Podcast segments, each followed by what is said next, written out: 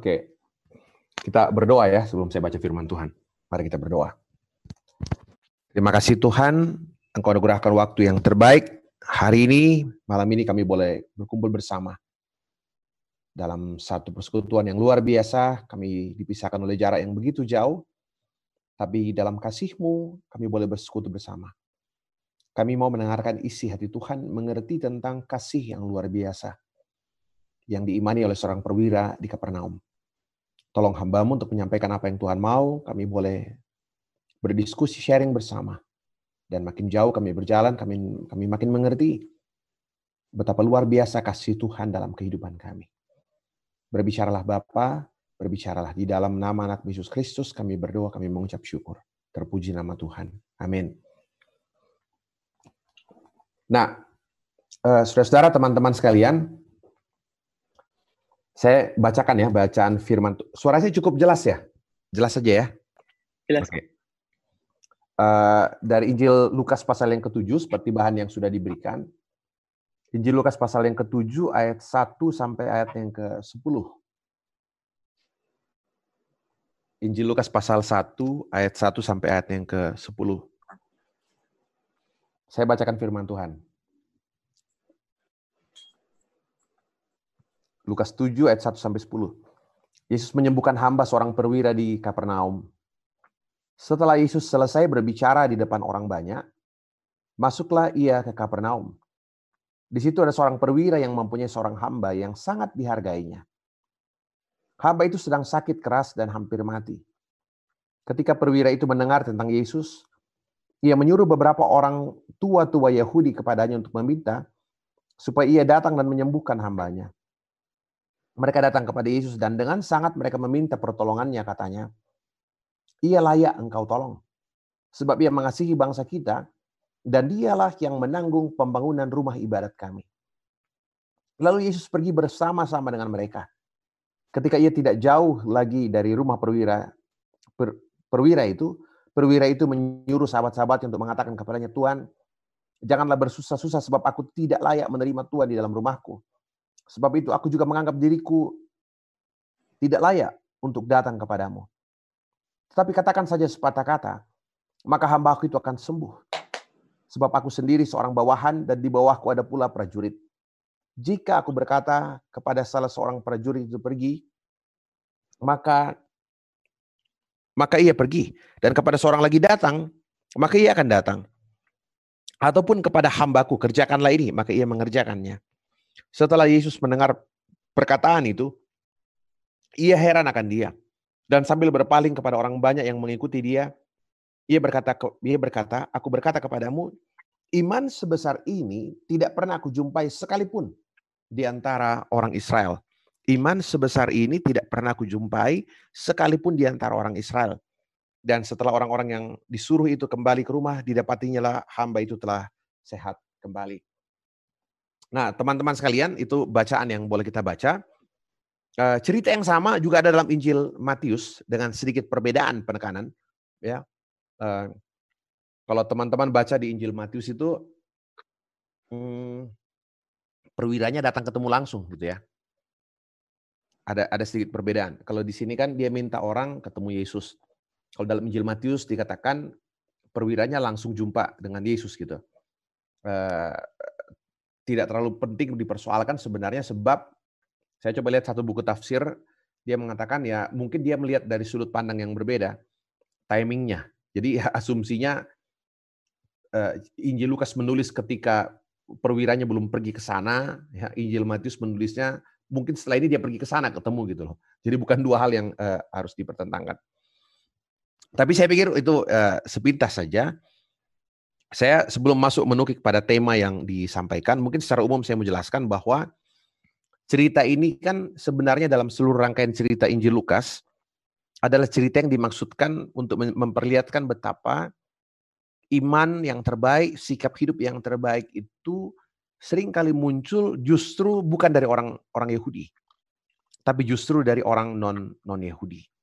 Ya, uh, cerita yang mirip misalnya uh, dan itu hanya ada dalam Injil Lukas. Kisah orang Samaria yang murah hati. Itu bahan khas Injil Lukas. Bahan khas artinya Bagian cerita yang tidak terdapat dalam Injil lain, hanya dalam Injil Injil Lukas. Kisah orang Samaria yang murah hati itu hanya ada dalam Injil Lukas. Uh, pertolongan yang menolong orang yang dirampok itu bukan imam, bukan tokoh-tokoh agama, tapi justru orang Samaria. Orang Samaria yang dianggap kafir oleh orang-orang uh, Yahudi, ya, sebab dianggap mereka sudah mengalami tidak murni lagi sebagai Israel. Uh, atau di dalam Lukas 19, itu juga bahan khas Injil Lukas. Injil Lukas 19 itu cerita tentang Sakeus, kepala pemungut uh, cukai ya. Jadi dia kepala pemungut cukai. Bapak Ibu bisa bayangkan tuh kepala pemungut cukai. Pemungut cukai itu uh, apa? Kalau teman-teman nanti baca cerita sebelumnya itu, itu bagus sekali dalam Injil Lukas itu ditempatkan berturutan ya. Lukas 19 uh, Sakeus di 18 di pasal 18 itu ada cerita tentang orang muda yang kaya yang mau ikut Tuhan Yesus. Kemudian dia katakan apa yang harus aku perbuat supaya aku beroleh hidup yang kekal. Yesus katakan ya, hormati orang tuamu dan segala macam. Oh, sudah katanya dari dulu saya bikin. Satu lagi katanya. Jual hartamu bagikan kepada orang miskin. Apa jawabnya waktu itu? Apa jawab uh, apa? Ijil mengatakan orang itu pergi kemudian. Kemudian murid-murid mengatakan, wah, apa? Uh, alangkah sulit ya, sorry bukan murid-murid. Tuhan Yesus yang katakan alangkah sulitnya orang kaya masuk ke dalam kerajaan sorga. Lebih mudah seekor onta masuk lubang jarum daripada orang kaya masuk masuk surga gitu lah. Itu itu kata-kata Tuhan Yesus sendiri. Nah, murid-murid mengatakan, "Oh, kalau begitu siapa yang bisa masuk surga?" Apa jawab Tuhan Yesus? Bagi Allah tidak ada yang mustahil. Dan ternyata luar biasa. Tepat setelah cerita itu, langsung Sakeus. Sakeus itu kepala pemungut cukai. Ya, Bapak Ibu bayangkan kalau dibilang kepala pemungut cukai, pemungut cukai itu kaya ya. Nah, sorry, pemungut cukai itu kaya, dia kepalanya, jadi kaya banget. Ya, pemungut cukai itu berdosa, dia kepalanya, jadi dosa banget gitu. Jadi Bayangkan tuh, sudah kaya sulit masuk surga, dosanya pun double gitu. Jadi orang ini saya bisa bayangkan Zacchaeus ini sulitnya masuk surga itu double gitu. Tapi yang terjadi adalah dia masuk surga gitu. Kalau dengar cerita Zacchaeus ya, dia bertobat dan terjadi perubahan yang keselamatan dalam dalam rumahnya. Nah, Zacchaeus pun adalah cerita bagaimana orang yang dianggap uh, tidak layak toh menghasilkan buah-buah pertobatan. Nah itu, itu uh, jadi itu sedikit benang merah tentang seluruhan Injil uh, cerita ini, cerita uh, uh, perwira di Kapernaum. Pertama-tama mau memperlihatkan satu pesan utama bahwa kadang-kadang hal-hal terbaik iman yang luar biasa itu justru tidak muncul dari orang Yahudi, tapi justru muncul dari non-Yahudi sendiri. Nah, saya mau uh, lebih fokus pada tema uh, bacaan kita, apa temanya, tema PA kita malam hari ini. Yang menarik pertama-tama adalah saya mau mulai uh, dari satu pertanyaan penting pertama. Uh, pertanyaan penting gini, saudara-saudara, teman-teman. Uh, saya ketika mendengar ucapan Yesus ayat 9, aku berkata kepadamu iman sebesar ini, iman se seperti yang dimiliki perwira itu, tidak pernah aku jumpai sekalipun di antara orang Israel sekalipun. Saya berpikir gini pertama kali ketika baca. Iman yang sebesar apa sih imannya itu? Apa bagian mana? Bagian mana dari hidup sang perwira yang membuat coba bayangkan ya, eh, dia tidak jumpa dengan Tuhan, dia hanya titip pesan satu kalimat, tidak tidak apa pun. Tapi sepenggal kalimat yang dititipkan kepada Yesus cukup membuat Yesus mengambil satu kesimpulan betapa luar biasa iman orang ini gitu. Di antara orang Israel pun gak ada yang imannya sehebat ini. Saya berpikir saya pikir Tuhan, saya juga mau seperti dia gitu loh. Punya iman yang luar biasa. Tapi bagian mananya kira-kira? Apa? Bagian mana dari kalimat itu yang memperlihatkan betapa iman orang ini luar biasa gitu. Yang membuat seperti dirinya itu nggak ada ditemukan di antara orang Israel. Ya, sepenggal kalimat tuh. Eh, Tuhan nggak perlu datang ke rumahmu, saya nggak layak datang. Uh, kau saya nggak layak datang menemui engkau. Kau juga saya juga nggak like terima engkau. But just say word. Katakan saja sepatah kata dan saya percaya hambaku di rumah akan sembuh. Hanya kalimat itu yang diucapkan, dititipkan. Dan dalam satu kalimat itu cukup memperlihatkan betapa hebatnya iman orang ini. Dan pertanyaannya adalah sebagian mana iman itu gitu loh. Uh, iman macam apa? yang yang luar biasa. Uh, saya ingin, lihat pada mungkin dua hal ya dari dari sepenggal kalimat itu kan kalimat itu aja yang jadi fokus sebenarnya. Uh, apa yang dikatakan ayat 9? Uh, sorry, uh, apa yang dikatakan oleh perwira ini? Dia katakan seperti ini. Tuhan janganlah bersusah-susah sebab aku tidak layak menerima Tuhan di dalam rumahku. Sebab itu aku juga menganggap diriku tidak layak untuk datang kepa kepadamu. Tapi katakan saja sepatah kata, maka hambaku itu akan akan sembuh. Gitu loh. Uh, mungkin yang pertama teman-teman. Sang perwira tahu dirinya tidak layak. Ya. Sang perwira tahu dirinya sama sekali tidak layak. Tapi yang luar biasa adalah meskipun dia tahu dirinya sama sekali tidak layak, uh, saya ada yang tanya, apakah ini sekedar semacam sikap merendahkan diri? Saya bilang enggak. Dia betul-betul merasa enggak layak. Meskipun dalam pandangan orang Yahudi, dia layak. Gitu. Pandangan tua-tua Yahudi kan, yang datang eh, yang datang kepada Yesus mengatakan, tolong kau bantu orang ini, dia layak. Gitu, gitu. Dia layak. Coba bayangkan itu ya, ukuran layak dan tidak layak, layak menurut pandangan tua-tua Yahudi, tapi bagi sang perwira itu sendiri dia tidak layak gitu loh. Ada yang mengatakan, Pak Pendeta, apa itu jangan-jangan hanya sekedar sikap rendah diri atau apa? Saya bilang enggak. Itu sikap yang jujur. Dan itu bahasa Injil Lukas, teman-teman. Eh, kita kan tahu ya, satu kitab lain yang ditulis oleh Lukas itu adalah kitab kisah para rasul. Dan teman-teman ingat, dalam kisah para rasul ada juga satu cerita tentang perwira. Lagi-lagi tentang perwira. Itu kisah rasul pasal 10. Siapa itu? Cornelius. Ya, Ingat cerita itu? Waktu Petrus mau pergi ke rumah Cornelius, dia tidak mau sebab Cornelius seorang perwira, perwira Romawi dan dianggap kafir. Petrus harus dapat penglihatan sampai tiga kali untuk bisa meyakinkan dia pergi ke rumah Cornelius. Jadi memang bayangkan luar biasa ya.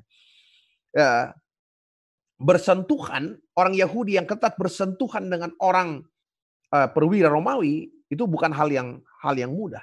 Petrus nggak mau ke sana. Petrus hanya berani ke sana setelah dia dapat tiga kali penglihatan. Ya penglihatan turun makanan dari sorga, dari langit itu. Jadi bisa dibayangkan. Sang perwira betul-betul merasa tidak layak. Saya bayangkan begini. Dia nggak ingin menyusahkan Yesus ya. Menimbulkan dilema dalam diri Yesus. Saya nggak layak gitu loh. Hukum hukum orang Yahudi itu kan kalau yang apa yang kita nggak boleh bersentuhan dengan yang yang najis sebab kalau yang najis menyentuh atau disentuh kan kita jadi najis gitu loh. Itu hukumnya kan.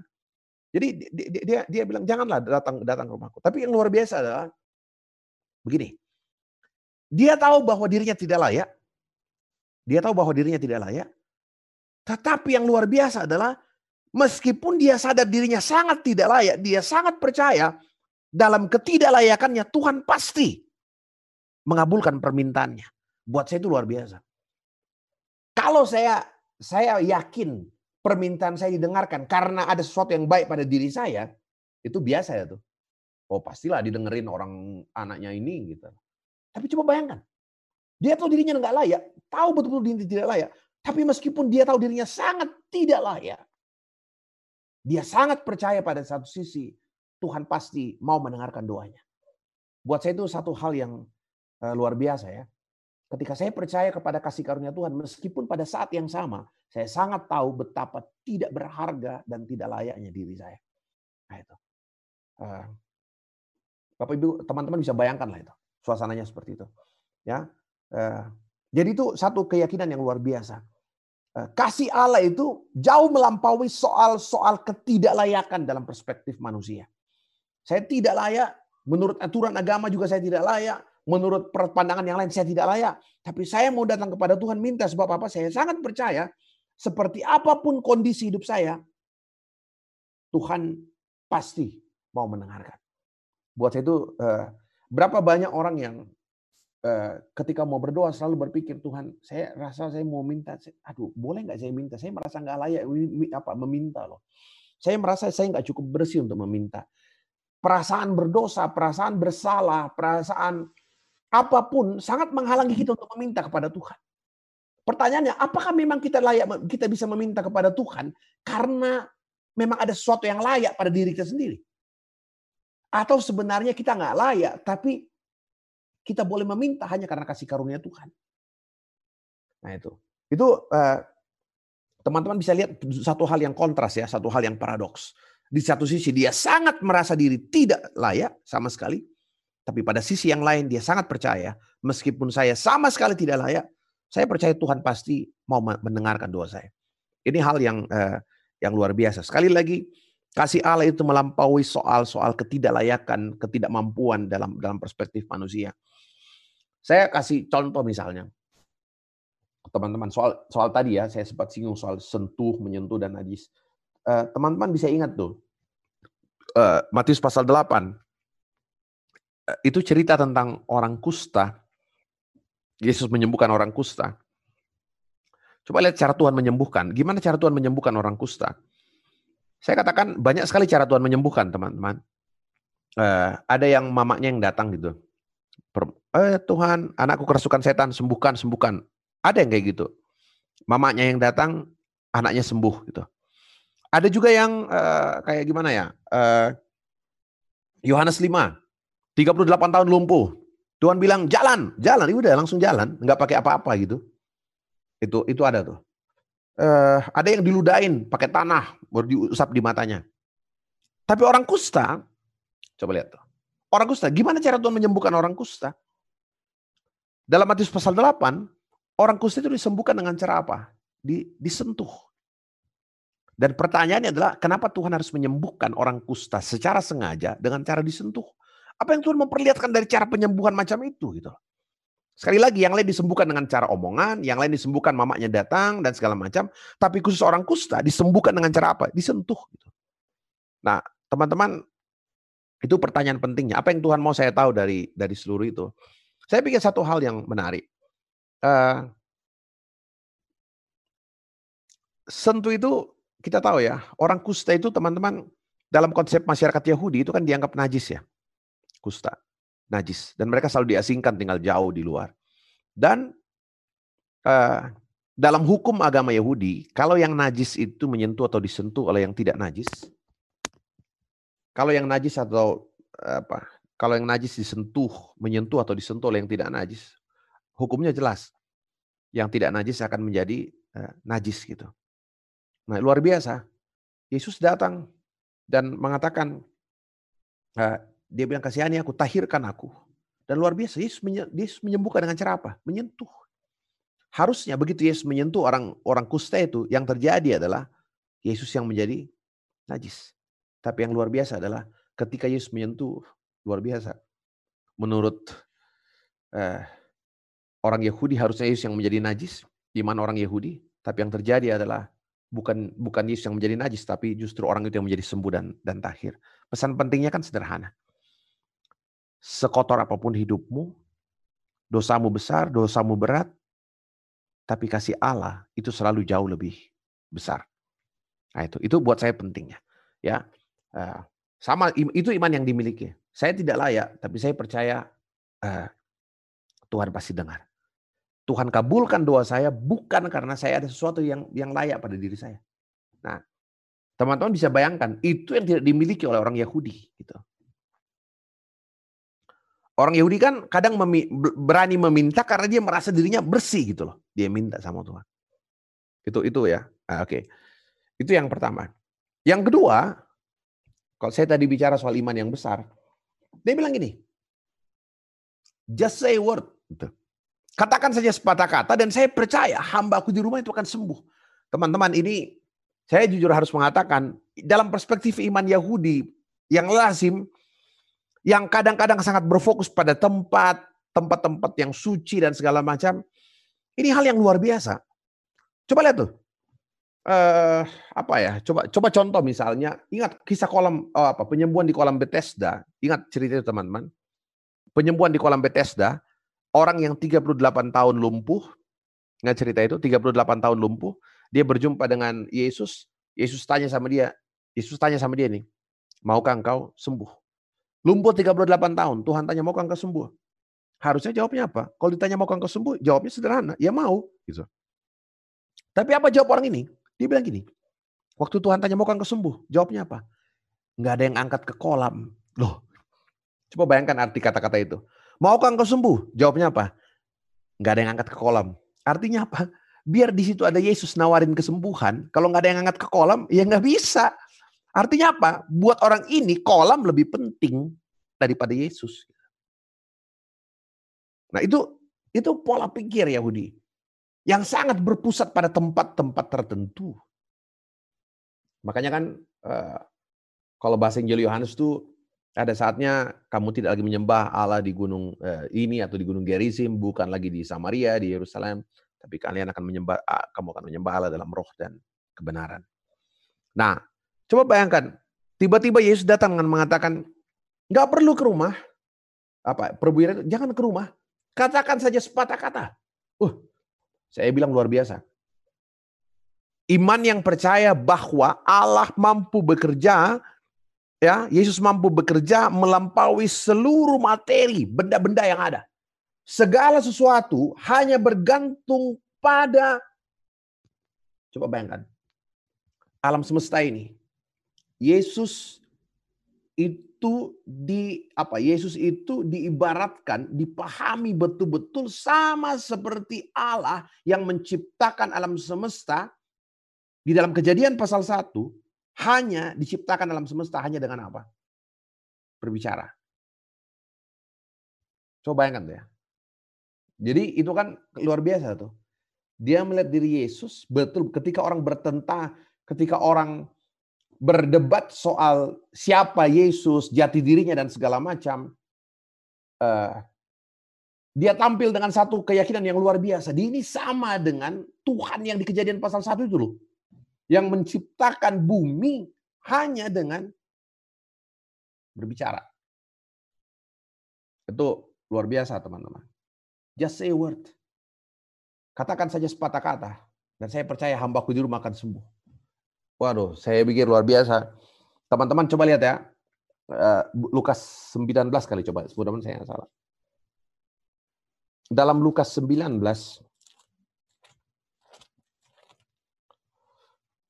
Oh sorry, sorry. Uh, Injil Lukas berapa nih? Sorry. Yang soal pohon arah. Bentar ya.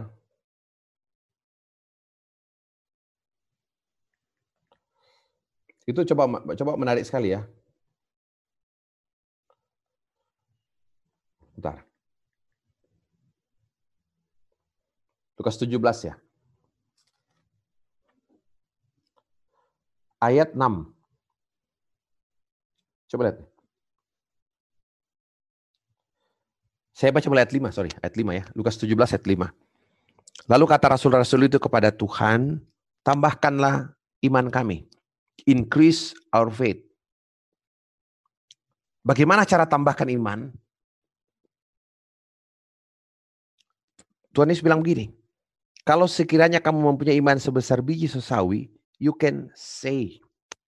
Engkau dapat berkata kepada pohon ara ini, terbantunlah engkau dan tertanamlah di laut dan ia akan taat kepadamu. Tuhan tambahkan iman kami, increase our faith. Gimana caranya? Kalau kau punya iman sebesar biji sawi, you can say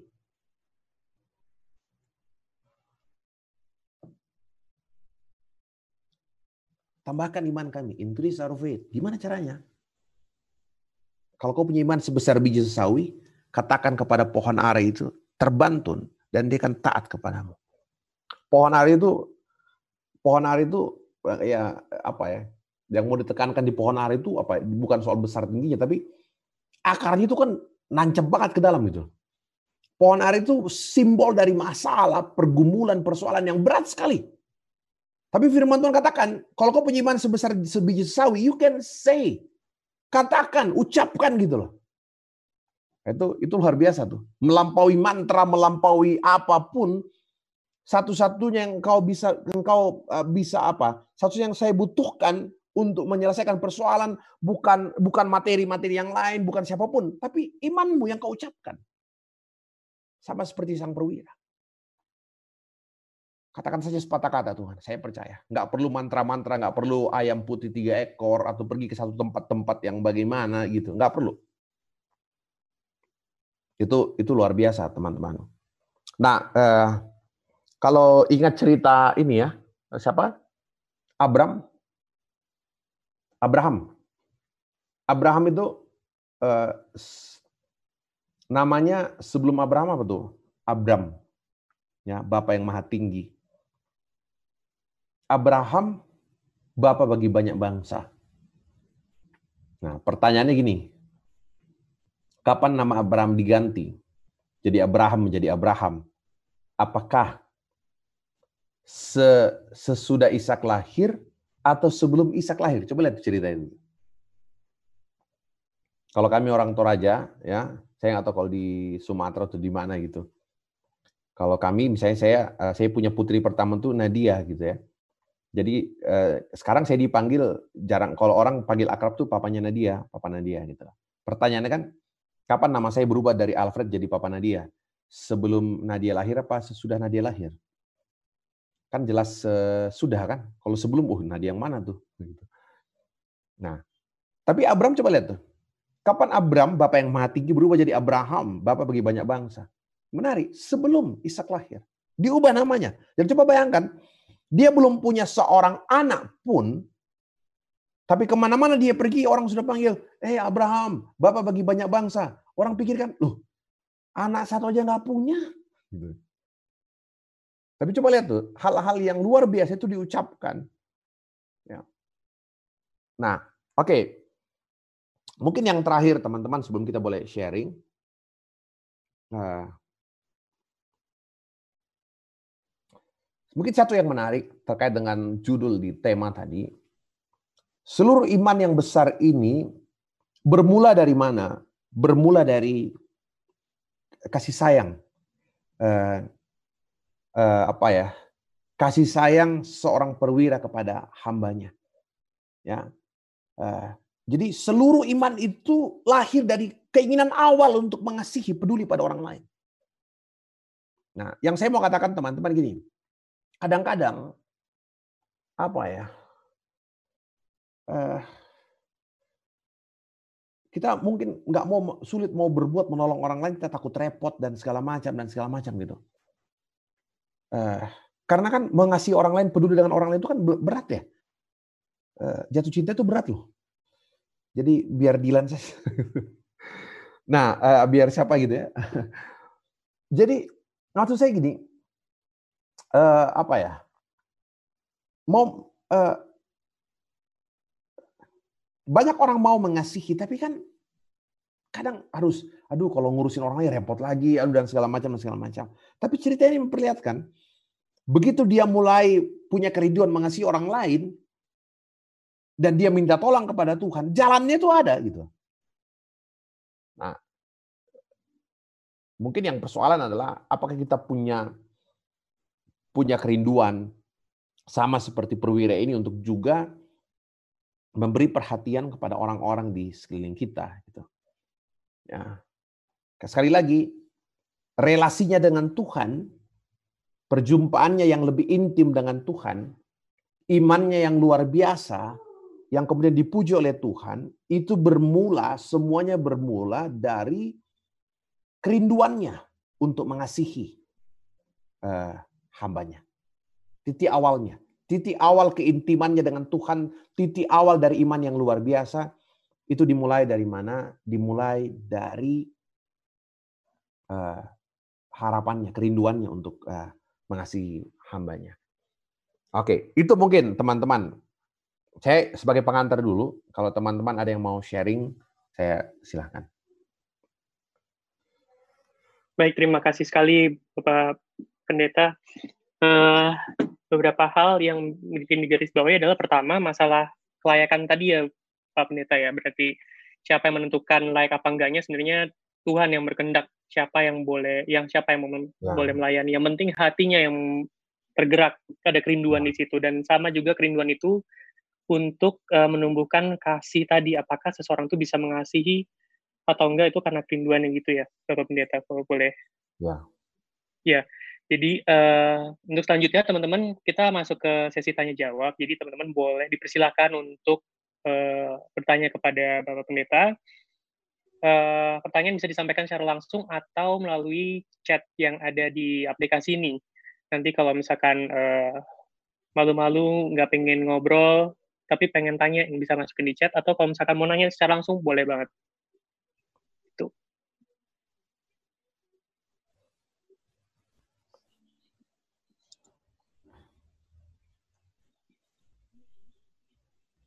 Halo teman-teman, masih pada di sini kan ya semuanya ya? Masih. Masih. Masih. Masih. Jadi teman-teman, uh, kalau tadi disampaikan oleh Bapak Pendeta, sebenarnya bukan cuma Dilan doang yang boleh mengasihi loh teman-teman. Teman-teman juga boleh punya kasih itu. Kira-kira ada yang sudah mengasihi atau belum? Misalkan nih di zaman COVID kayak gini, mana tahu uh, malah hilang kasih sukacitanya atau kasihnya. Atau mungkin malah ada pemulihan di situ, sehingga bisa menjadi bagian dari pelayanan teman-teman gitu. Adakah yang ingin bertanya?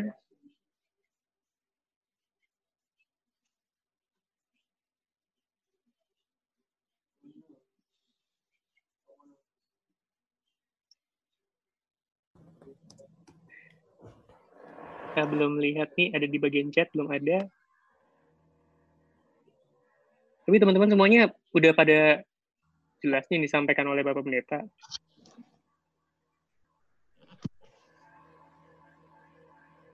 Uh, mungkin saya karena oh, siap Kasania. Iya. Mungkin ini sih Pak Pendeta kalau aku kalau masalah kalau hmm, eh, ini relate nggak ya? Kayaknya sih relate harusnya. Kalau masalah mengasihi, terutama um, di zaman yang semua serba online gitu ya, kadang-kadang uh, kalau yang gue rasain dari dari sembilan minggu WFH ini, hmm, kadang-kadang rasa rasa uh, jenuh gitu kayak aduh ini nggak tahu ya emang karena gue kan orangnya ekstrovert jadi sumber kekuatan gue adalah dari ketemu orang-orang banyak gitu. Kadang-kadang tuh ngerasa kayak um, um, ini gimana ya kok gue ngerasa sendiri kadang-kadang tuh gue ngerasa kayak aduh kangen nih sama Tuhan tapi kadang-kadang gue juga suka ini kangen sama Tuhannya pribadinya atau kerusuhannya gitu Terus kemarin juga sempat ada teman-teman yang cerita gitu masalah kasih bahwa kita tuh mesti uh, jadi dia dia cerita dia mengalami uh, mengalami kayak uh, kebosanan gitu. Jadi dia kayak lagi kembali untuk ke kasih mula-mula. Kayak gitu sih, not yang uh, seminggu dua minggu ini kayak lagi banyak banyak yang uh, gue lagi sering cerita-cerita sama temen gue seperti itu sih begitu. Okay. mula-mula tuh gimana maksudnya? Ya maksudnya kayak when lo pertama kali mengambil keputusan uh, menerima Tuhan Yesus gitu kan, kayaknya wah on fire gitu kan. Terus saat keadaan tak menentu um, uh, ada kan pasti dari ada dari teman-teman gue ada beberapa kayak yang ternyata penghasilannya kena impact, terus nggak tahu sampai kapan kayak gitu-gitu sih gitu. Hmm. At that point lu tetap mengasihi? Gitu sih. Siap, monggo Bapak Pendeta. Oke, uh, ini apa namanya? Memang apa ya pengalaman berapa minggu ini di rumah uh, apa ya? Kita nggak gereja. Ya kalau di sini sih saya masih ya keluar-keluar lah dikit radius-radius dekat-dekat gitu ya. Nggak dari saya dari tempat dari rumah kami ke kantor sinode itu kan dekat sekali, 100 meter lah jalan pagi. Uh, tapi ibadah nggak ada.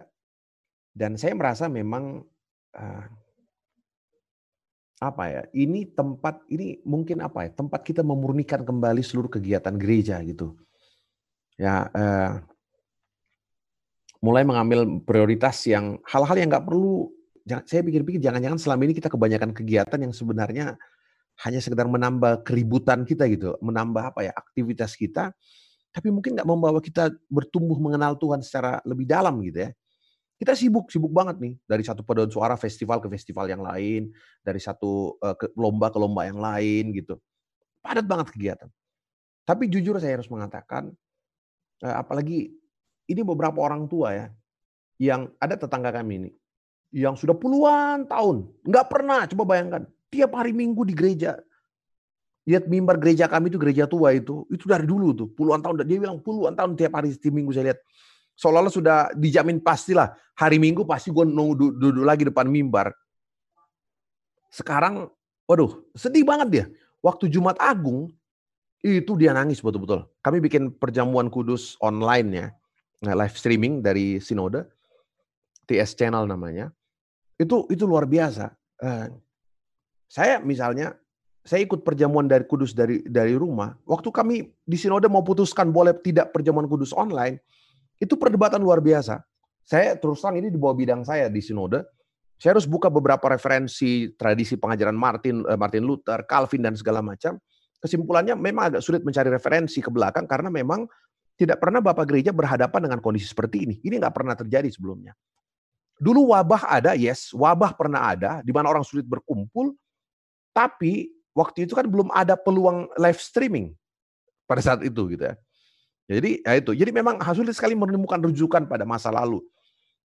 Akhirnya kami ambil sukacita apa ambil keputusan setelah uh, apa kami lakukan dan saya pribadi jadi surat sinode itu oke okay, silakan lakukan perjamuan kudus online dengan banyak macam-macam cara itu ya. Tapi jujur saya kayaknya seumur ikut perjamuan barusan saya dari rumah nangis benar sih itu. Ya. Saya rasa betul-betul itu tempat, aduh, gila Tuhan. Selama ini kita kayaknya bisa ikut perjamuan tuh kayaknya biasa banget. Ya, ikut perjamuan udah udah lumrah.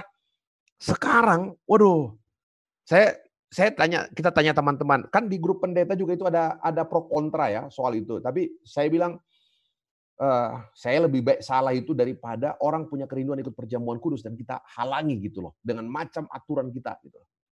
Kan orang takut perjamuan kudus nanti jadi tidak sakral. Dugaan saya bilang enggak. Pasti malah sebaliknya. Dan betul yang terjadi sebaliknya. Bukan tidak sakral. Orang justru nangis di perjamuan itu. Itu once in, apa, sesekali dalam seumur hidup kita gitu. Saya saya itu saya harus katakan. Nah, kondisi ini seperti yang tadi Sania cerita ya, justru membuat kita banyak sekali introspeksi ya, kembali ke hal-hal yang mula-mula. Sekarang di gereja, di gereja Toraja kami bikin satu program namanya Lumbung Diakonia lumbung itu kan punya dua hal ya. Tempat menyimpan dan membagikan beras yang ada.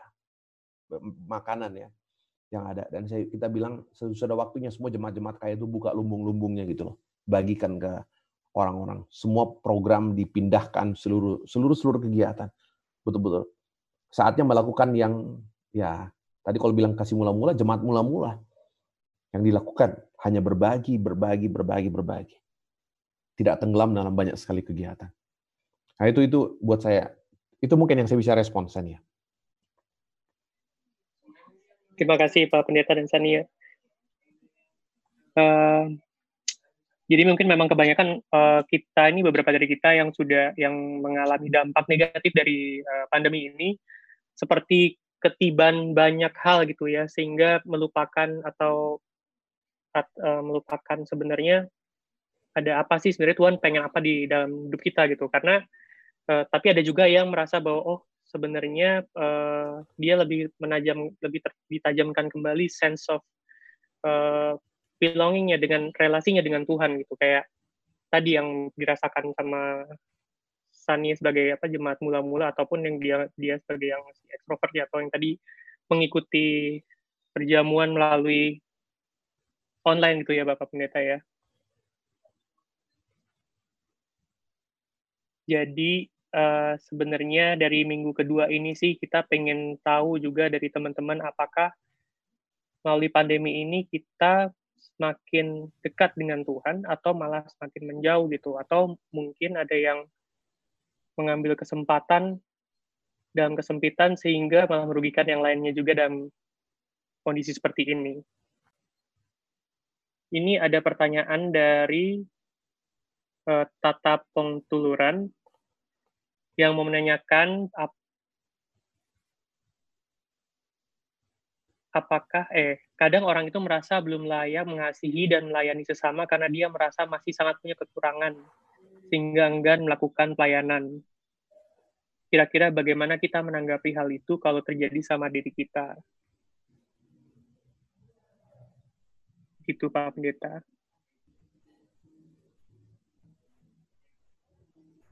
Halo.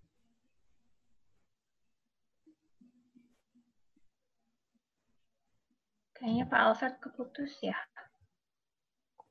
Iya. Pak Alfred. Waduh. Wadah. Pak Alfred. Ini ada pertanyaan dari Tata uh, yang menanyakan kadang orang itu merasa belum layak mengasihi dan melayani sesama karena dia merasa masih sangat punya kekurangan sehingga nggak mau melakukan pelayanan. Kira-kira gimana cara kita merespon atau menanggapi hal itu kalau misalkan itu terjadi sama diri kita gitu, Pak?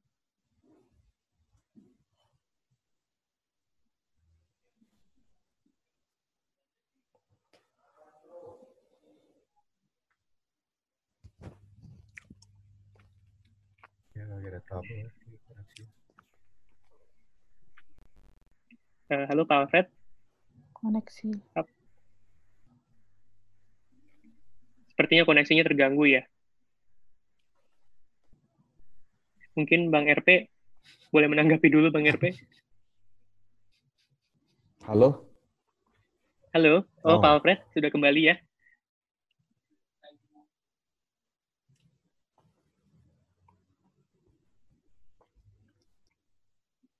Iya, Pak Alfred eh, bisa mendengar suara kami?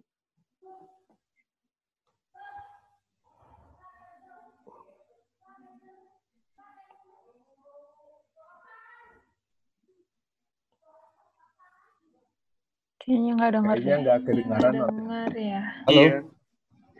Halo. Kalau chat Iya Pak, tadi eh, saya menyampaikan pertanyaan dari Tata, apakah terdengar Pak?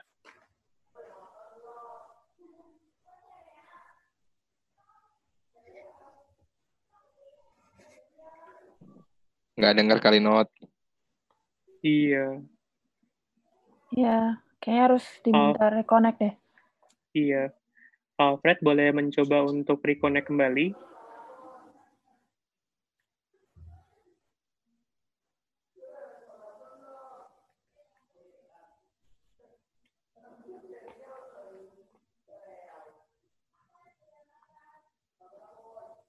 Hmm.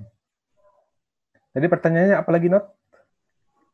Sorry, Not. Pertanyaannya, eh, kalau misalkan orang itu merasa belum layak mengasihi dan melayani sesama karena dia merasa masih punya kekurangan sehingga nggak mau pelayanan, kira-kira kita menanggapinya harus seperti apa kalau misalkan itu terjadi pada diri kita? Kita yang merasa belum layak ya. Iya, Ya kalau gue boleh eh, bantu jawab, Tata, eh, setiap orang Kristen sih seharusnya dia merasa selalu merasa layak untuk bisa melayani ya, sekecil apa pun. Yang biasanya membatasi kita eh, mampu untuk melayani adalah karena kita berpikir bahwa eh, talenta kita tidak seberapa. Kita bukan siapa-siapa itu yang membuat kita berhenti untuk melayani. Padahalnya dengan apa yang kita miliki, kita mampu untuk melayani. Nah, kembali mengingatkan kepada kita bahwa melayani itu selalu berfokus kepada orang lain, tidak berorientasi pada diri sendiri. Jadi apa pun yang kita eh, bisa lakukan, itu merupakan pelayanan. Asalkan untuk Tuhan dan untuk eh, sesama.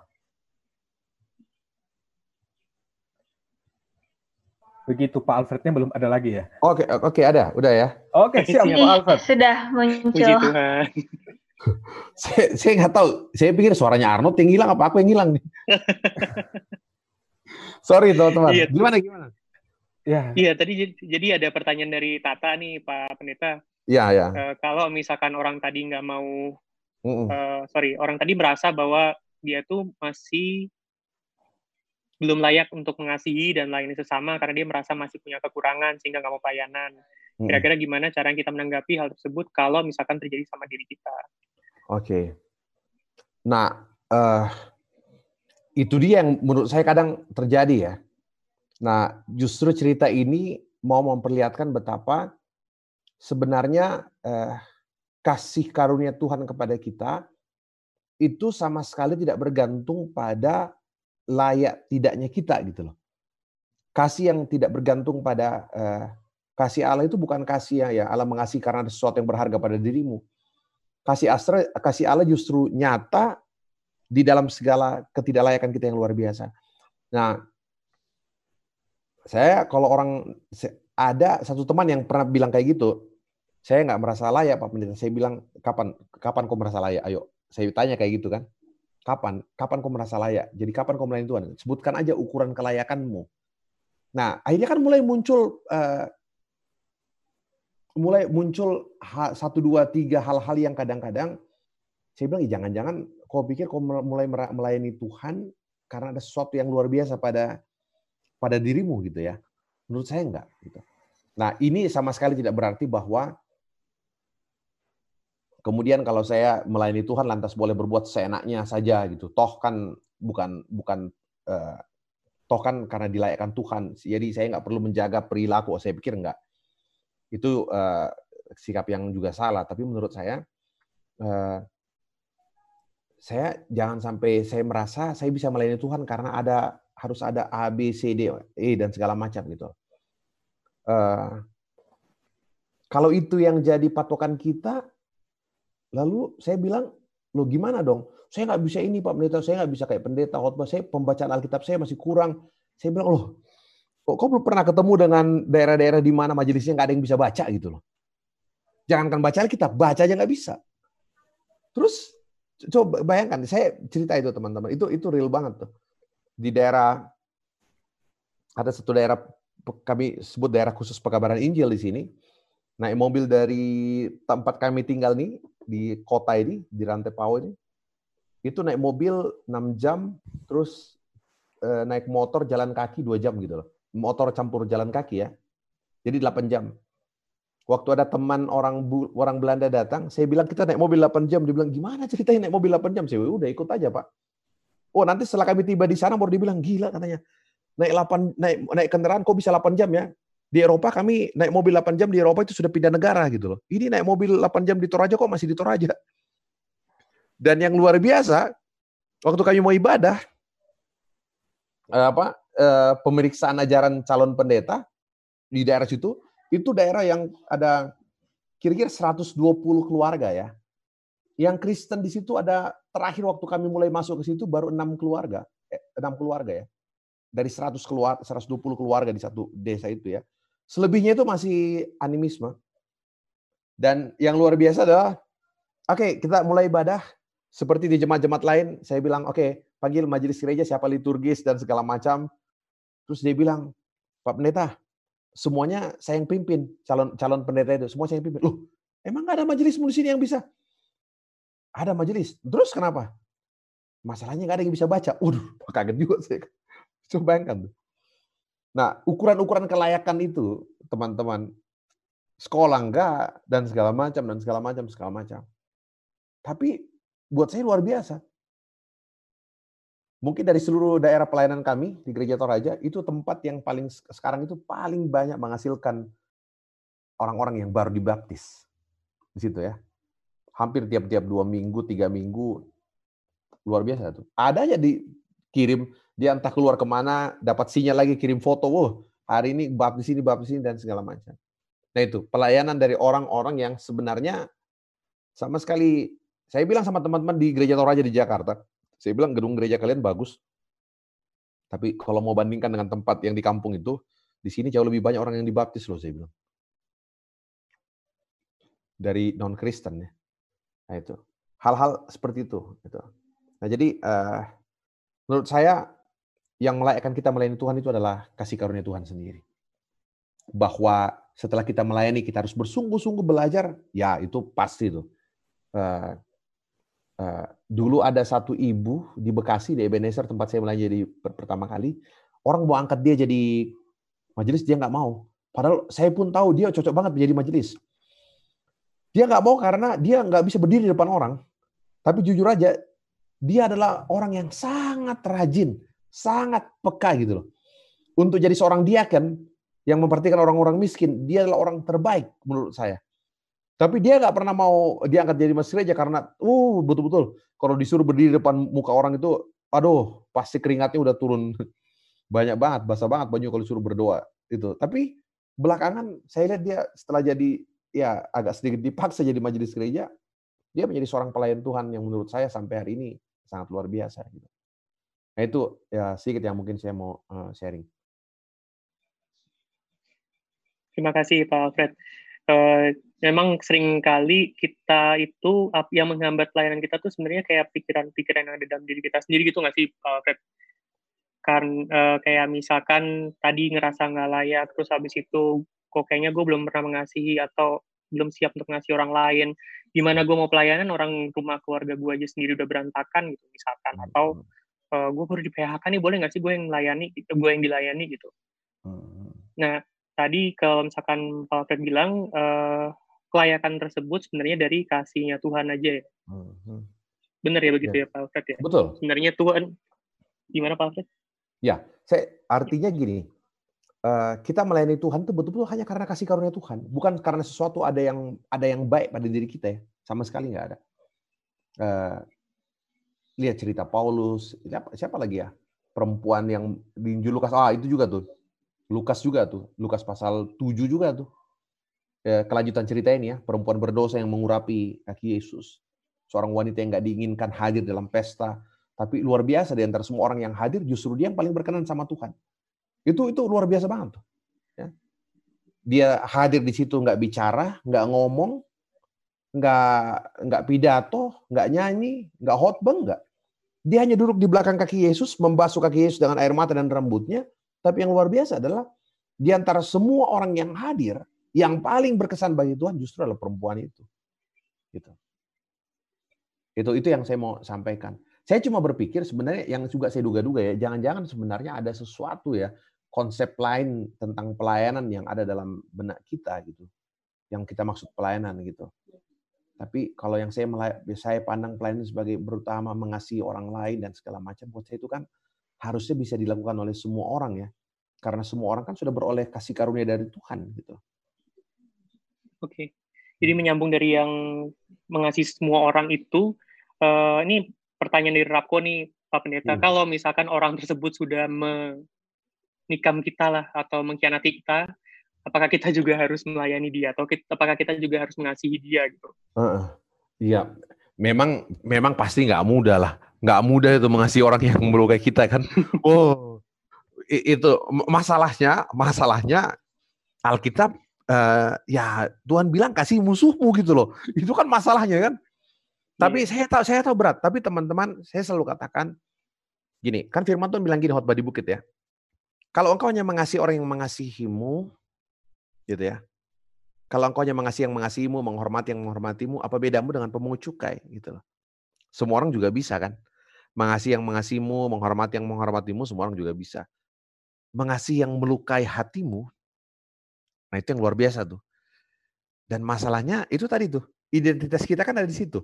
Yesus katakan kalau engkau hanya mengasihi orang yang mengasihimu, apa bedamu dengan pemungut cukai? Semua orang juga bisa gitu loh. Jadi mengasihi yang mengasihi biasa itu, biasa mah. Orang nggak kenal Tuhan juga begitu standarnya. Nah, Tuhan katakan yang yang luar biasa adalah ketika engkau mampu mengasihi bahkan yang melukai hatimu. Dan itu yang diperlihatkan Yesus eh, dari eh, dalam seluruh proses kehidupannya sampai di kayu salib. Ya, dia mengampuni dan berdoa dan mengampuni orang-orang yang melukai, apa, menyakiti dirinya gitu. Tapi saya tahu memang bukan persoalan yang mudah. Cuma kadang saya pikir gini, hmm, ada seorang ibu ya bertengkar sama suaminya. Dia betul-betul merasa ini ini real nih. Uh, dia betul-betul uh, bilang saya nggak bisa maafkan suami saya. Suami saya perlakukan saya luar biasa kasar dan segala macam. Kalau bapak saya tahu pasti marah, kami pasti pisah gitu loh. Kalau ayah saya tahu, saya tahu dia anak yang disayang sekali orang tuanya, ayahnya. Dan kalau melihat perilaku suaminya, menurut saya itu keterlaluan memang. Pokoknya kekerak KDRT lah. Uh, dan segala macam. Tapi uh, belakangan saya bilang tolong pahami suaminya. Oh dia malah marah ke saya kan, gitu. Tapi lama-lama saya ajak, uh, saya ajak coba berpikir ya, apa memang kita juga sudah sebaik apa gitu, uh, uh, apa jangan-jangan apa? Jangan-jangan juga sebenarnya ada ada sesuatu pada diri kita. Eh, coba kita lihat diri kita sendiri soal ada hal-hal yang mungkin kita kan tidak sempurna ya, nggak sempurna gitu loh. Tapi itu dalam ketidaksempurnaan kita kan kita juga berkali-kali loh dipahami orang, berkali-kali dimengerti orang, berkali-kali bisa dipahami orang gitu dan segala macam dan segala macam. Nah itu yang uh, yang ya saya sih lihat kemarin di update status di WA-nya udah foto dengan suaminya gitu loh. Padahal udah saya, saya belum WA lagi, cuma bilang ah nanti aja. Saya mau gangguin dia ketemu tumben tuh statusnya udah bagus tuh foto dengan suaminya gitu. Ada pemulihan berarti ya malah di pandemi ini ya, eh, Bang. Ya, betul betul betul. Nah, itu perasaan ya itulah kadang-kadang ini nih ya kita kayak kerja begini nih ya lumbung diakonia dan segala macam. Selalu aja kita kerja baik, ada aja yang nyinyir kan. Uh, karena dongkol banget tuh. Kita udah kerja, tapi saya bilang, eh, nggak usah, nggak usah. Bos saya, eh, makanya Firman Tuhan bilang kan, eh, tekunlah selalu menanggung bantahan itu dengan selalu melihat kepada Yesus. Lihat aja Tuhan Yesus gitu loh. Kita kan melayani orang bukan karena eh, eh, harus dipuji orang dan segala macam dan segala macam. Saya bilang tahu nggak? Justru karena kita dinyinyirin kayak gini kita jadi sungguh-sungguh kan. Coba kalau mereka nggak nyinyir kita biasa-biasa aja kerjanya gitu. Eh, itu itu selalu uh, ya uh, saya bilang orang boleh bikin apa pun apa pun kondisimu uh, you are you still my friend gitu. Kau tetap sahabat kami nggak perlu marah dan ya buat sudahlah biasa saja itu tapi memang benar ya kalau misalkan pelayanan mau sebagus apa pun kita pasti ada yang nyinyirnya ya Woi, ada aja. ada aja tuh kayak gitu. Oke, uh, Bapak Pendeta ini juga ada pertanyaan dari Ivan. Uh, di saat seperti ini banyak teman-teman yang terdampak pandemi kehilangan pekerjaan dan nggak hmm. tahu nih sebenarnya habis ini mau gimana gitu. Wajar hmm. nggak kalau misalkan kehilangan kehilangan semangat melayani dan bagaimana sebaiknya respon kita sebagai teman gitu. Uh, saya yakin banget teman-teman kehilangan pekerjaan itu aduh down banget lah pasti saya bayangkan ya. Pasti rasanya itu down banget. Dan kalau ada orang pernah merasakan dia kecewa sama Tuhan buat saya itu itu semua lumrah. Ada titik-titik di mana kita apa uh, bergumul seperti itu ya. Hmm, sebagai teman apa yang bisa kita lakukan? Kalau saran saya memang uh, memang harus ya, didekati dengan uh, tindakan pastoral yang tepat ya nggak usah langsung mengatakan oh kamu nggak usah mengerti saja kalau dalam proses saya nggak tahu pasti banyak lah yang belajar pastoral kan proses pertama kan kalau orang lagi bergumul kan yang penting pahami kondisinya gitu. Bahwa dia belum bisa kembali seperti semula, nggak apa-apa. Itu itu memang butuh proses. Tapi saya sangat percaya, saya sangat percaya. Setelah mereka dipulihkan, dia akan jauh lebih kuat. Dia akan jauh uh, punya punya apa semangat yang jauh lebih besar. Dulu waktu saya melayani di Bekasi, Cikarang, mungkin hampir tiap bulan, tiap minggu saya berhadapan dengan orang-orang, teman-teman yang buruh di pabrik, kehilangan pekerjaan, putus kontrak. Itu sering kali gitu. Tapi saya harus mengatakan bahwa eh, banyak hal yang Tuhan izinkan terjadi, betul-betul itu untuk kebaikan kita, eh, membentuk kita lebih baik ya. Saya boleh cerita satu eh, pengalaman. Ada seorang teman majelis gereja di Bekasi, dia seorang yang sangat setia melayani. Dia dan istrinya.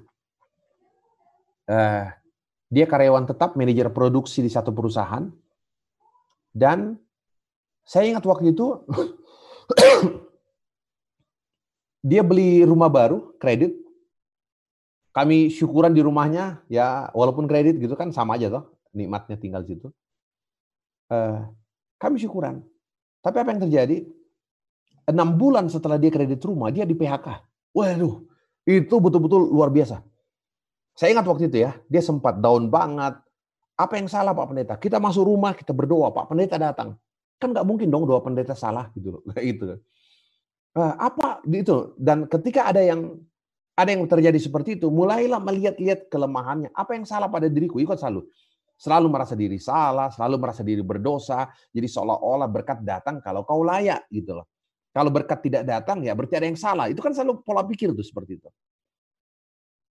Saya saya pun shock banget waktu itu. Wah, saya bilang, aduh gimana ya? Gimana gimana iman imannya gitu. Uh, dia waktu itu sebulan ya, Stres banget. Jadi ceritanya gini, perusahaannya di merger, ya perusahaannya di merger dan dia tidak diikutkan dalam proses merger itu. Jadi uh, diakuisisi sama perusahaan yang lebih besar, tapi dia tidak ikutkan dalam proses merger. Akhirnya dia di apa di PHK, dapat pesangon lumayan sih waktu itu. Kalau nggak salah waktu itu tahun berapa ya? Mungkin 10 10 tahun lebih yang lalu dia dapat pesangon kalau nggak salah waktu itu sudah 50-an juta kali ya. Lumayan lah waktu itu. Dia bilang Pak Pendeta, eh, eh, saya coba cari kerjaan sebulan, tapi kalau sebulan lebih saya nggak dapat pekerjaan, rumah ini saya mau jual, dan kami pindah ke kampung, ke Toraja gitu. Sebulan kita berdoa, dia nggak dapat kerjaan. Uh, satu bulan bulan kedua itu rumah itu sudah ditempelin, jual, over credit. Dua bulan nggak ada yang beli rumahnya. Bulan ketiga saya ingat, hampir hampir tiga bulan ya, dia telepon saya, dia bilang Pak Pendeta, aduh luar biasa Pak Pendeta, saya betul-betul saya minta ampun ke Tuhan. Saya saya pernah kecewa sama Tuhan. Betul-betul saya nggak cerita sama Pak tapi saya betul-betul kecewa. Saya, saya paham. Saya lihat dari raut wajahmu, saya lihat dari komentar-komentarmu. Walaupun mungkin kau nggak berani terus terang karena nggak enak sama pendeta gitu. Saya bilang kenapa? Dia bilang tahu nggak Pak Pendeta? Saya baru ditelepon dari perusahaan merger ini. Ini betul-betul cerita luar biasa. Saya baru ditelepon dari perusahaan merger ini. Bosnya langsung, pemiliknya orang India. Ditanya, jadi ceritanya gini, setelah merger, produk hasil apa hasil produksi itu nggak sebagus dulu gitu. Nggak sebagus dulu di tempat perusahaan bapak ini dulu. Ke dia merger produksi nggak sebagus dulu. Orang India yang tanya loh kok kayak gini? Dulu belum sebelum merger bagus hasilnya. Kok setelah merger kok begini hasilnya? Nggak bagus. Di reject apa ditolak eh, ekspor ke luar negeri. Ini yang manajernya dulu mana nih? Yang mana sih manajernya? Ah baru dicerita. Oh manajernya udah dikeluarin gitu dan segala macam jadi bayangkan orang Indianya telepon langsung. Apa yang terjadi? Dia dikas ditawarin kerja kembali dengan gaji yang hampir dua kali lipat lebih tinggi. Statusnya kerjaannya dilanjutkan, tidak dihitung tidak hitung kerja masuk baru ya, tapi diperpanjang dihitung kembali yang lalu. Terus saya tanya, terus yang itu kemarin pesangon yang 50 juta itu? Ya bonus lah itu pendeta.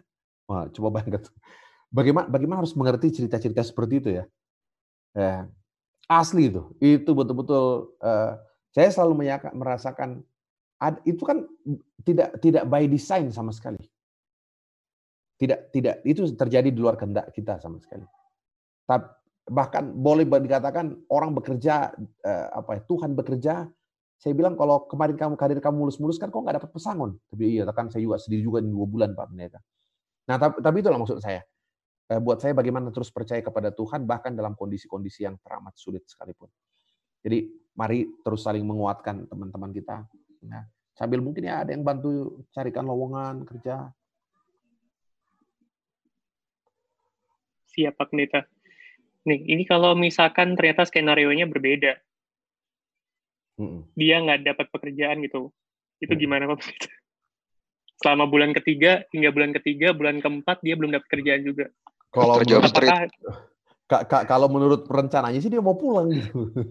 Oh jadi gitu ya. Nah, emang jadi emang rencana dan, dan ya. iya, saya pun saya cuma saya juga selalu bilang ya mana doakan mana yang terbaik. Gitu kan kita juga nggak berani bilang, "Eh, saya udah lihat kamu dapat pekerjaan." Nggak berani juga kita kan. Apa Pendeta ya, saya mau nanya dong. Ya ya silakan. Ata ya, Ata. Ata. Kan tadi Ya ini menyambung sih sama pertanyaan Arnold yang terakhir. Kalau misalnya dalam tiga bulan ternyata nggak dapat kerjaan gimana? Terus Bapak Pendeta bilang ya kita doakan. Nah, nah, nah nih saya secara pribadi itu gini yang tadi Pak Pendeta bilang bahwa kalau melayani itu kita nggak apa hmm. ya jangan tunggu sampai kita udah hebat sesuatu dulu baru kita mau mulai ikut dalam hmm. pelayanan gitu kan karena pelayanan itu kan sekecil apa pun apa maksudnya peran yang kita ambil itu ya apa Tuhan lihat juga gitu kan maksudnya hmm. uh, ya pelayanan itu nggak ada yang lebih tinggi nggak ada yang lebih rendah gitulah ibaratnya jadi uh, nah kalau yang bagian itu apa ya kayak aku udah bisa memahami dan apa menghidupi hal itu gitu tapi sekarang permasalahan yang sampai detik ini masih ku pertanyakan itu adalah tentang berdoa jadi hmm. yang tadi uh, Bapak Pendeta bilang di awal bahwa kadang-kala kita ragu untuk berdoa karena kita merasa kita tidak layak, kita ragu karena kita uh, merasa apa ya, kok gue mau minta sih gitu. Nah, aku belajar banyak sih dari dari sisi pandang yang tadi Bapak Pendeta sampaikan terkait uh, bacaan kita pada malam hari ini gitu. Hmm. Um, cuman uh, gimana ya? Uh, aku merasa jadi sampai saat ini ya dalam kondisi kita kan hmm. kalau sekarang kan kita selalu diingatkan ya dalam kondisi yang menekan seperti saat ini kondisi pandemi di mana segala sesuatunya itu tidak seperti yang biasa kita alami kita lagi dalam new normal dan segala macam uh, sebaiknya kita berdoa gitu. Cuman di sini aku uh, apa ya kayak nggak nggak uh, bingung gitu untuk berdoa tuh bingung.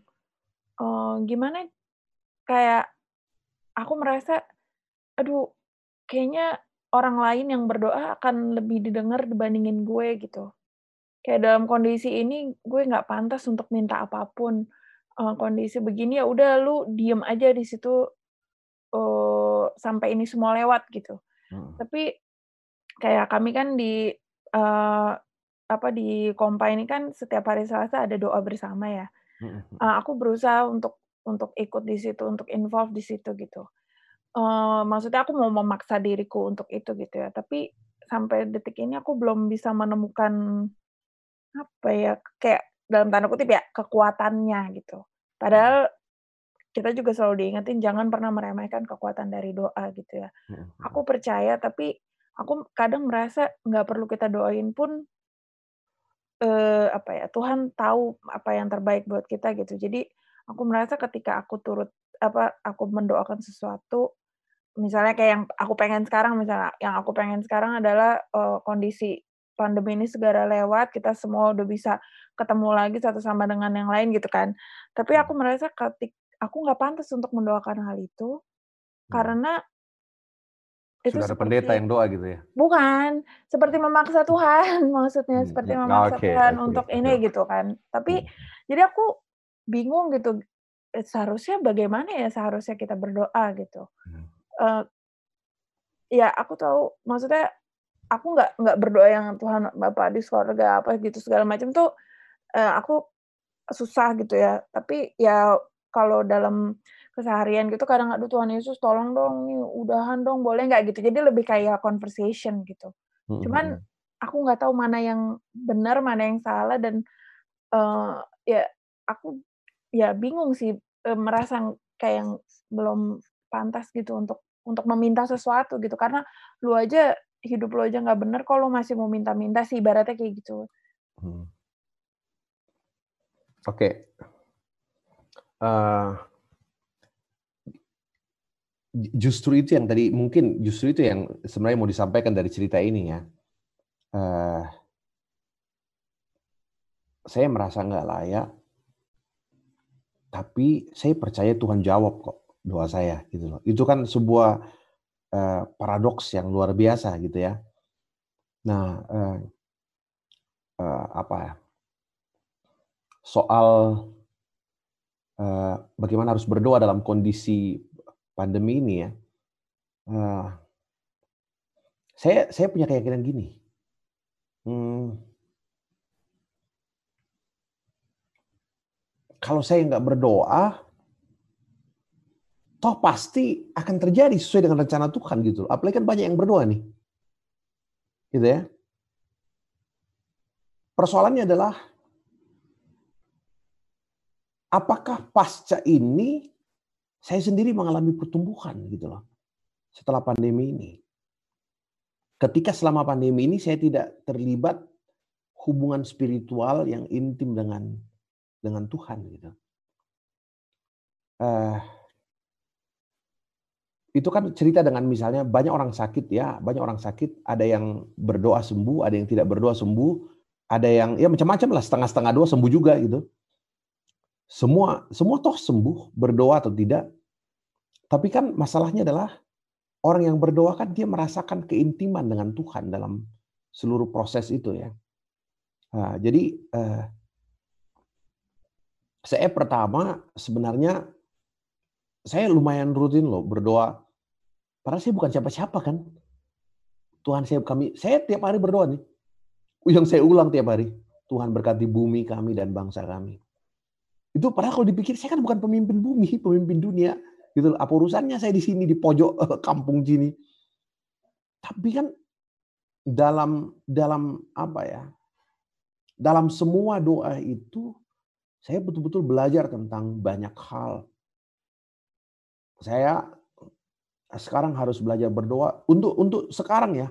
Saya merasa saya dulu saya suka kita kalau gue doa di gereja dulu, aduh Tuhan berkati pemimpin bangsa kami. Sekarang tuh doa tuh kayak sungguh-sungguh banget gitu loh. Tuhan Jokowi itu jaga nanti jangan ambil salah keputusan gitu loh. Betul-betul tuh.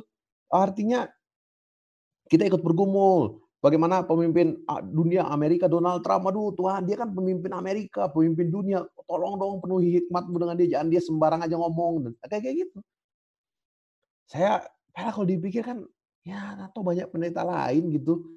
Ada pendeta-pendeta di sekelilingnya sana, ada Joel Austin di sana di Amerika yang bisa.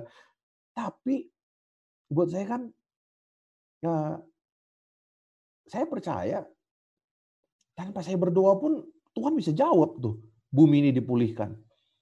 Yang salah adalah yang ber, yang soal adalah apakah pasca pandemi ini nilai saya, iman saya di depan Tuhan tuh bertumbuh gitu loh. Nah itu itu yang itu yang uh, itu yang saya saya pikirkan. Nah jadi uh, bukan soal doanya Ata dijawab apa enggak, tapi saya yakin dalam keintiman Ata berdoa dengan Tuhan, justru Ata secara pribadi justru akan semakin di, dibangun gitu. Nah, itu yang uh, saya mau sampaikan. Teman-teman kalau lihat itu ya, uh, kalau saya mau cerita kayak, uh, oke, okay, oh, kalau dalam surat Ibrani ya, yang imam besar itu, teman-teman, imam besar itu berdiri berhadap, eh, sorry, berdiri mewakili manusia menghadap ke Tuhan. Ya, dia berdiri mewakili. Jadi kalau saya menghadap ke Tuhan, saya imam besar menghadap ke Tuhan, umat itu di belakang saya tuh. Kayak gitu. Nah, ketika Yesus sebagai imam besar yang agung, yang tanpa noda, tanpa cacat, itu sebenarnya mau mengatakan bahwa ketika dia berdiri mewakili pendeta Alfred dan semua umat menghadap kepada Tuhan, kepada Bapa, maka yang dilihat adalah bukan lagi pendeta Alfred yang tidak layak itu, yang dilihat bukan lagi pendeta Alfred yang eh, penuh dengan eh, kecemaran itu. Yang dilihat hanyalah satu, sosok pribadi itu, imam besar kita yang agung Yesus Kristus, yang sempurna dan tanpa noda dan tanpa cacat. Itu yang membuat kita layak beroleh anugerah dari dari Tuhan. Seperti itu kira-kira uh, ceritanya. Oke. Saya kembalikan ke Arnold. Siap. Uh, terima kasih Pak Pendeta Renata.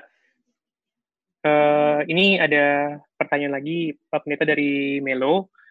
Hmm, kalau misalkan dalam masa pandemi ini banyak orang yang bilang kalau misalkan kita harus mengasihi diri sendiri, self care lah.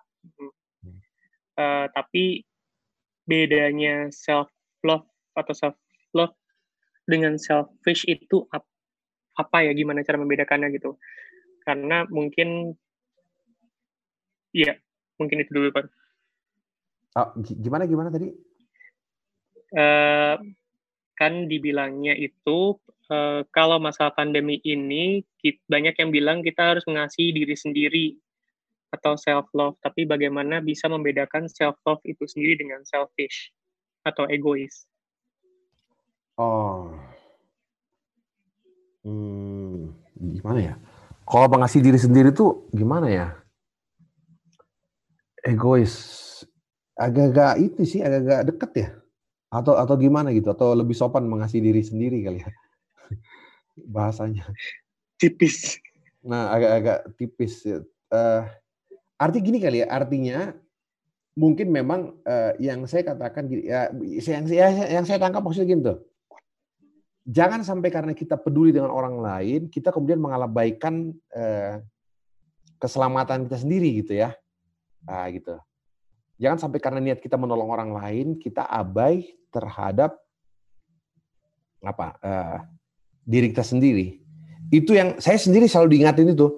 Karena beberapa waktu terakhir, setiap kali ada pertemuan dengan pemerintah, dengan bupati, ketemu masyarakat, jemaat, nah itu kalau muncul lagi di medsos kan, aduh Pak Alfred, aduh nggak usah ke sana gitu loh. Saya paham gitu. Itu yang mungkin teman-teman mau selalu katakan bahwa, oke, okay, kita memberi perhatian kepada orang lain, tapi jangan lupa uh, menjaga ya, menjaga diri sendiri, proteksi diri sendiri, uh, apa ya, uh, ya ya kayak gitu jangan sampai apa ya kita sibuk menolong orang lain kemudian kita nggak jaga kesehatan diri diri sendiri gitu. Itu mungkin yang saya saya, saya tangkap gitu. Atau melo mana melo? Me, melo itu tau nggak melo artinya apa? Apa tuh bang? Melo itu bahasa toraja artinya bagus gitu. Oh mantap. iya melo. Iya. Yeah bagus untuk melayani gitu kan ya bang ya berarti ya. Oh iya. Gimana Melo? Apakah sudah cukup yang disampaikan oleh Bapak Pendeta? Cukup, cukup. Sudah bisa membedakan antara self love dengan self care? Iya, kurang lebihnya bisa. Selfish. Ya. Oke. Okay. Self love dan selfish. Iya. Yeah mungkin kalau misalkan ini kali ya uh, pendeta dibalikan lagi dengan lagu Bang Roma itu yang sesuatu yang berlebihan itu nggak baik gitu ya. mungkin uh, mengasihi diri sendiri, mengasihi orang lain itu juga harus ada tahu batasannya gitu. Yeah. Tapi untuk tahu batasan itu sendiri juga kita tahu dari mana ya. Kadang uh, kita berpikir kayaknya orang itu lebih butuh daripada saya. Mm. Jadi langsung dikasihin semuanya. Atau misalkan kayak dokter yang udah habis jam praktek tapi ternyata masih ada pasien yang gawat darurat apakah tapi kalau misalnya dia nggak pulang dia akan kecapean dia malah jatuh sakit hmm. misalkan hmm. gitu hmm. Uh, itu kan ada di sisi dilematis yang kadang nggak bisa diukur dengan akal sehat gitu hmm. atau hmm, hmm. nah di posisi seperti itu baiknya seperti apa mungkin itu yang ingin disampaikan sama Melo gitu kalian untuk membeda okay. untuk mengetahui batasan oh iya saya saya jujur kadang kayak gitu ya uh, ter, terutama kadang-kadang hmm, saya kalau ada panggilan pelayanan, saya ambil contoh diri saya ya. Uh, keinginan kita untuk menjawab semua panggilan pelayanan itu besar sekali gitu ya. Apalagi kalau sudah dari jauh telepon Pak Pendeta, tolong dong Pak Pendeta udah lama banget, berapa tahun nggak ke sini, di, di daerah terpencil, nggak ada orang, itu besar sekali gitu. Cuma belakangan saya juga sadar bahwa kekuatan kita itu ada batasnya. Artinya eh, Justru ketika saya merem diri, sebenarnya saya sedang memikirkan untuk kebaikan lebih banyak orang lagi. Daripada saya paksa sekarang ambruk dan kemudian semua segala sesuatunya selesai gitu ya. Pada sisi lain, eh, kadang saya pikir ya itu makanya saya selalu bilang gini, eh saya sibuk banget itu, coba kamu hubungi dulu A, B, C. Nanti kalau kamu nggak bisa hubungi A, B, C, baru kamu hubungi saya. Siapa tahu saya masih punya nama lagi D, E, F gitu loh. Kalau nggak bisa baru saya gitu loh. Nah itu saya selalu kasih apa ya, karena memang mulai sadar memang harus merem, merem diri gitu ya. Nah, beberapa teman dokter di sini ada nih dokter anak, dia orang tua. Kan agak riskan juga dia melayani kan, eh, dokter. Nah, istrinya bilang sama saya, dia bilang, Pak Pendeta kasihan anak orang sudah bisa bilang, Om, kalau Om nggak, oh, bukan Om yang melayani, ini saya bilang, Om motivasinya apa nih? Bukan duit kan? Bukan, nih saya tahu lah, nggak bakalan Om cari-cari, cukup lah duitnya sekarang ya. Soalnya istrinya kan bilang, Pak Pendeta, kasih tau Om, udah jangan dulu terima pasien. Dia kan sudah tua, umur 70-an lah ya. Rentan, rentan, rentan banget gitu loh. Tapi karena belas kasihannya ke, waduh nggak saya, waduh sudah datang satu jam ke rumah, dia kan dari kampung nggak terbiasa bikin janjian, sudah datang ke sini, tiba-tiba tutup dan segala macam. Nah itu bertengkar sama istrinya. Saya bilang Om, saya coba nanti anterin ke dokter itu, kan nggak harus dokter anak, ada dokter umum dulu. Nanti kalau memang nggak sembuh dokter umum, baru kita panggil ke om lagi dokter anak gitu. Akhirnya dia setuju gitu loh. Istrinya telepon saya, Pak. Mereka bilangin om dong, jangan praktekkan umur 70, nggak bisa lagi, aduh bahaya. Anak itu bisa carrier dan segala macam. Nah. Jadi hal seperti itu. Memang eh, apa ya? Kita juga harus belajar apa ya berhikmat ya untuk hal yang di mana kita memang sangat perlu tidak bisa digantikan ya eh, dengan hal-hal di mana udah saya bisa digantikan kok. Kalau bukan saya di situ toh bisa jalan keadaan itu. Itu itu itu yang saya pikir selalu perlu dipikirkan. Oke. Okay. Jadi tetap butuh hikmat ya untuk di segala, ya. segala hal seperti ini ya. Nah. Oke. Ini ada satu pertanyaan dari Anggi. um, boleh nggak kita mendoakan orang yang kita kasihi untuk diizinkan melalui hal yang tidak baik terlebih dahulu untuk menjadi yang lebih baik pada akhirnya? Oh, oh maksudnya diizinkan biar dia bergumul dulu gitu ya? Doakan, doan, gitu. Uh, uh, ini juga kurang paham ini saya. Mungkin Ibu Anggi boleh membantu Ibu saya, Ibu Anggi. Mana Anggi ini? videonya, videonya Anggi mana? Waduh, harus pakai video ya? Biar kelihatan, Gi. Oh. Uh, enggak, maksudnya kita mendoakan bukan selalu yang baik yang terjadi gitu sih intinya. Tapi hmm. yang lebih baik pada akhirnya. Oke. Okay. Nyumpahin ya maksudnya nyumpahin.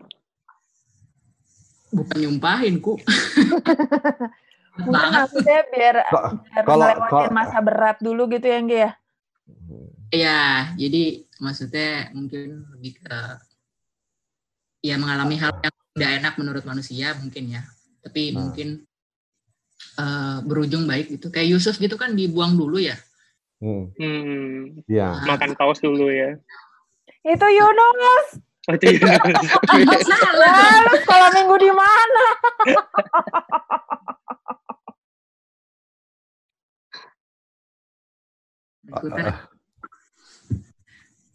Oke oke. Ya, maksudnya, maksudnya kayak gitu. Kurang uh, jelas ya. Uh, oh uh, jelas banget jelas banget. Ma ma masalahnya cuma uh, gimana ya? Saya sih belum pernah berdoa kayak gitu ya. Oh Tuhan biarkan dia bergumul dulu biar. Uh, tapi gini. Hmm, saya, saya sih nggak doa nggak doa. Tapi Hmm. Beberapa orang yang menurut saya agak keras kepala gitu ya. Di jemaat saya pernah alami itu. Orang yang istrinya udah babak belur gitu. Saya pun kayaknya nggak didengar. Apa ya? Apa keangkuhan itu luar biasa, benar. Bukan nyumpahin, bukan nyumpahin. Saya cuma bilang gini, kalau memang semua nasihat dari kita nggak bisa lagi didengarkan, saya yakin satu kali Tuhan pasti ingatkan gitu. Tuhan sendiri yang langsung tegur gitu ya. Saya saya nggak nyumpain nih, nggak nyumpain sekali lagi nggak nyumpain. Ya bukan nyumpain sih maksudnya. Mm -mm. Tapi saya juga nggak pernah doakan Tuhan ajar dia biar uh, kasih ini oh, tuh. Iya, iya, iya. Enggak, enggak, enggak, enggak, enggak gitu. Tapi iya. saya tahu kadang-kadang eh, memang ada orang yang perlu kadang seperti itu gitu loh. Nah itu yang memang harus dibentuk Tuhan dengan cara-cara yang ya luar biasa. Seperti itu. Cuma kalau dikatakan apakah kita bisa doakan, aku sih hmm, nggak usah diminta-minta kali ya. Nah, soalnya hidup kita udah berat juga loh. Eh, yang ada di doa itu kan Tuhan jangan bawa kami ke dalam apa pencobaan ya. Uh, walaupun di situ mungkin lebih ke godaan. Hmm, udah udah udah berat hidup ini gitu ya. Uh, jadi biar kita aja yang berat ya apa ya. Dan nah uh, tapi itu yang saya bilang tadi. Hmm, misalnya gini, atau hal yang agak agak sedikit ini ya, agak sedikit halus ya, uh, praktek gitu. Kalau ada anak-anak kesulitan, Eh, saya belajar belakangan lihat eh jangan dibantuin, jangan dibantuin, biarin. Nah, biarin. Sengaja dibiarin. Betul, betul. Saya sengaja biarin anak-anak karena saya bilang kalau selalu bergantung ke kita, kapan dia mandirinya gitu. Kapan bisanya berhadapan dengan masalah? Kalau setiap ada apa-apa kita langsung turun tangan, turun tangan, turun tangan gitu. Kan di, mereka dibentuk dalam kesulitan hidup mereka gitu ya. Nah itu, itu yang uh, apa? Saya kadang-kadang kalau anak-anak anak-anak saya punya cek, anak bungsu itu ya, kadang suka ngambek dan segala macam. Dulu kan saya suka langsung, ayo langsung dibujuk gitu. Belakangan saya lihat, udah sesekali harus didiamkan. Dia juga harus butuh waktu untuk belajar berenung sendiri, belajar lihat, oh iya, itu tadi salah tuh hal begitu. Kita perlu ada waktu sendiri juga untuk kemudian uh, melihat melihat hal seperti itu. Jadi kalau ditanya boleh nggak kita doakan, aku pikir sih doakan saja gini, Tuhan bentuk dia dengan cara yang Tuhan suka. Ah, gitu aja gitu ya. Hmm. Mungkin itu aja kali ya. bentuk dia seturut dengan yang cara yang terbaik. Kan Tuhan tahu lah bobotnya itu. Nah, nah itu. Thank you, Pak. Pak Pendeta, saya mau nanya dong, Pak Pendeta. Oh ya, ini Oke, anu. ini sebagai pertanyaan terakhir ya berarti ya. Iya, Paku iya. alam ya. Iya, saya Pak Walam. Eh, saya mau nanya Pak Pendeta, Eh, bagaimana kita bentar bentar.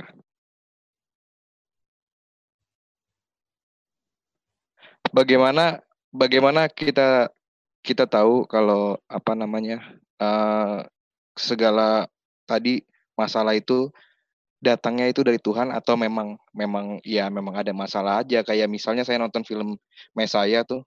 Mhm.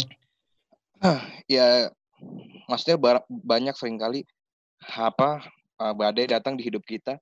Ya kalau yang perspektif dari film itu saya lihat saya lihat sih ya itu bukan bukan dari Tuhan dan kita selamat juga bukan mungkin bukan karena Tuhan tapi memang ya ya memang memang seperti itu aja seperti itu sih jadi saya saya mau nanya sebetulnya gimana caranya tahu kalau badai ini datangnya itu dari Tuhan apa bentukan Tuhan dan kita juga diselamatkan sama Tuhan gitu Hmm. Oke, eh dulu film saya itu yang itu yang serial ya. Iya di net apa net Hmm. TV. Iya, yang yang dulu yang gondrong itu kan. Iya gon- gondrong anak metal sih. Nah, yang dikejar-kejar sama apa gitu. Iya, saya pernah lihat sih. Saya saya saya lihat beberapa episode waktu itu ya di apa di internet gitu. Cuma sek- sekarang saya jarang saya ikuti. Yang pernah dia jalan di atas air tuh kan di depan anu tuh. Iya di jalan di atas air di depan gedung Eh, apa tuh? Saya Gedung kurang belum Putih. pernah ke gedung itu sih, jadi saya lupa namanya. Rese. Nah, oke. Saya saya jujur saya nggak tahu arah. Hmm, saya nggak tahu ideologi macam apa yang ada di balik eh, film itu. Saya saya belum. eh, u- saya- tapi dari awal saya sudah saya menduga-duga ya karena saya belum lihat utuh film itu. Eh, eh, apa ya? Saya nggak tahu apakah itu semacam kritik terhadap kehidupan keagamaan. Jadi saya- mungkin gini sih ini kalau kalau yang saya tangkap sih Pak Pendeta. Jadi film itu kayak menggambarkan bagaimana kalau kalau misalnya uh, mujizat seluruh nabi atau cerita-cerita nabi itu Hmm, hmm, hmm. bukan karena mujizat Tuhan tapi ya karena itu mungkin bisa jadi trik atau juga kadang kan kita dalam kondisi psikologi yang lemah, psikologi yang Hmm, jatuh, hmm. Terus tiba-tiba kita bisa melewati bencana, ada orang di samping kita, jadi kita merasa bahwa orang itu menyelamatkan kita, padahal Oke. memang memang memang seharusnya emang emang kita selamat aja, tapi karena kita Oke. punya harapan sama orang itu, jadi merasa orang itu yang membantu kita gitulah. Hmm, hmm, Kayak bukan mengkritik sih, cuman kalau menurut saya itu kayak what if aja. hmm, hmm. Oke. Eh, saya jujur saya senang lihat film itu. Cuma saya terakhir itu episode itu kali yang terakhir saya lihat. Habis itu saya nggak kayaknya sempat tayang nggak diproduksi lagi kan. Mungkin tunggu beberapa bulan gitu. Nah, Ya eh, lagi PSBB soalnya. Nah, oke. Saya eh gimana harus jawabnya? Gini. Hmm, fe- bu- buat saya gini. Peristiwa hidup kita ini kan peristiwa apa ya? Yang bisa ditafsirkan dari beragam perspektif kita gitu. Orang sembuh di rumah sakit ada yang bilang syukur Tuhan gitu loh. Ada yang mengatakan dokternya hebat gitu, bukan Tuhannya. Hmm, ada yang mengatakan ya memang alatnya canggih sih, gitu. Jadi hmm, memang dunia sekarang menurut saya eh, menawarkan kepada kita bagaimana menginterpretasi beragam persoalan kehidupan kita. Apa kita melihat itu sebagai suatu kemajuan teknologi saja, karena kebetulan aja si A, si B ada di si samping kiri kanan kita, atau ya memang sudah harus begitu, begitu. Memang sudah harus begitu, nggak ada urusannya dengan Tuhan. Bumi ini jalan begitu aja, nggak ada nggak ada keterkaitannya dengan Tuhan sama sekali, gitu. Dan buat saya itu itu pandangan yang terus ada sampai hari ini kan. Eh, orang-orang yang tidak percaya kepada Tuhan, ya buat saya ya itu itulah yang terjadi. Nah, sekali lagi, tapi kalau dalam perspektif uh, iman Kristen sendiri, tapi nanti kita bisa buktikan ya.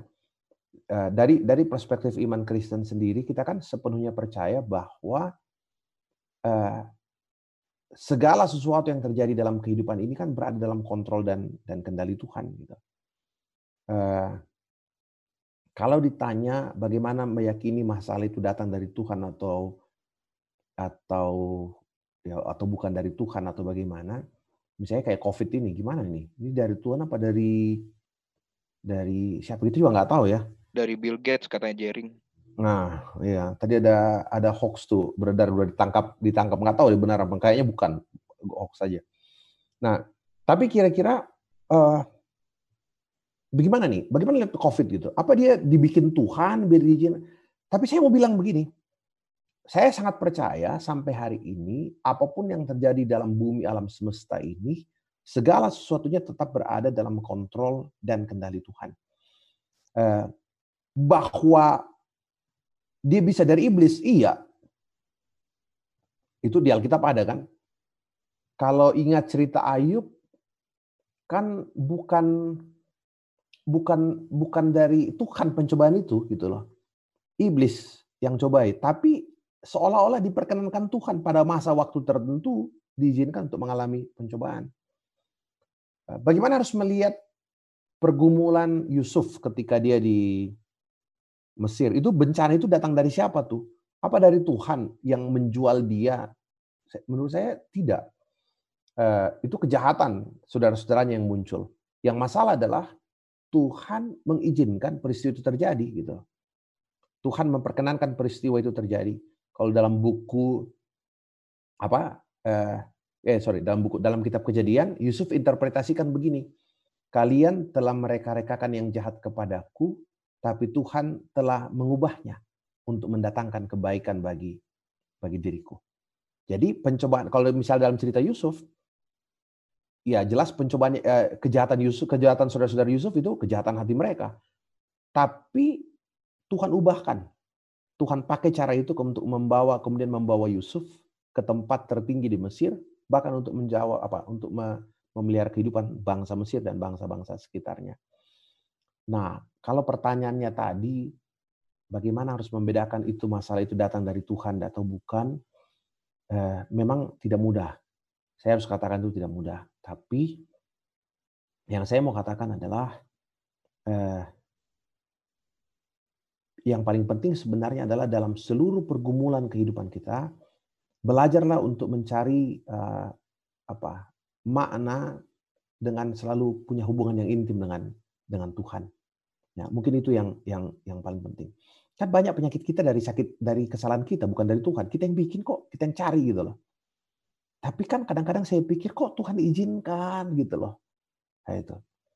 Ya, kok Tuhan izinkan itu terjadi? Kan Tuhan bisa ya sama kayak apa tuh? Kita akan kembali pada pertanyaan-pertanyaan awal di depan soal kitab Kejadian. Ngapain Tuhan taruh apa tuh? Pohon apa? Buah pengetahuan yang baik dan yang jahat nggak boleh dimakan. Ngapain? Kalau kan Tuhan kalau Tuhan nggak taruh itu apa eh, nggak bakalan manusia jatuh ke dalam dosa. Berarti Tuhan yang mencoba ya dong sengaja. Enggak saya bilang. Tuhan taruh, Tuhan bilang jangan kau makan bukan Tuhan yang bukan Tuhan yang menyebabkan diri kita berdosa kan bukan. Nah tapi itu yang saya mau katakan. Hmm, mungkin yang paling penting dalam setiap persoalan saya belajar mengenal Tuhan dengan dengan lebih baik. Uh, ada hal yang bahkan sampai selesai kalau baca di eh, kitab pengkhotbah ya, pengkhotbah pasal 3, Tuhan membuat segala sesuatunya indah pada waktunya. Tapi manusia tidak akan pernah mengetahui. Coba baca teks itu. Artinya gini, ada saatnya saya bergumul. Tapi saya percaya satu kali akan akan baik kembali. Tapi mengapa untuk tiba pada baik saya harus uh, melewati hal sedemikian? Itu kata pengkhotbah ya itu pun kadang-kadang masih tidak terselami di akhir. Kenapa saya harus baik dibentuk Tuhan lewat cara ini kadang-kadang saya nggak tahu. Nah, itu itu itu hal-hal yang uh, dan saya harus mengatakan saya pribadi mengalami banyak banyak persoalan jatuh bangun hidup tapi kadang saya tarik hikmahnya, oh iya begini. Tapi jujur aja, tidak semuanya jelas. Ada hal yang tidak jelas sampai hari ini. Artinya kadang saya pikir Tuhan, ya udah kalau toh Tuhan mau bawa saya ke jalan ini, kenapa harus lewat jalan ini? Kenapa nggak eh, kenapa nggak jalan yang lain? Itu itu saya nggak tahu. Kenapa harus bergumulnya lewat cara ini? Saya nggak tahu. Tapi bahwa Tuhan buat indah pada waktunya, ya. Bahwa segala sesuatu dalam kendali Tuhan, ya. Bahwa uh, tidak ada pencobaan lebih dari kekuatanku, ya saya percaya itu. Tapi jujur harus dikatakan, memang tidak semua harus terselami dengan jalan pikir uh, manusia. Nah, kalau soal tadi, apakah itu terjadi begitu saja bukan karena Tuhan? Saya nggak tahu teman-teman. Hmm, kalau uh, apakah ini sekedar memang beginilah alam semesta memelihara atau apa tanpa Tuhan dan segala macam? Hmm, saya nggak tahu ya uh,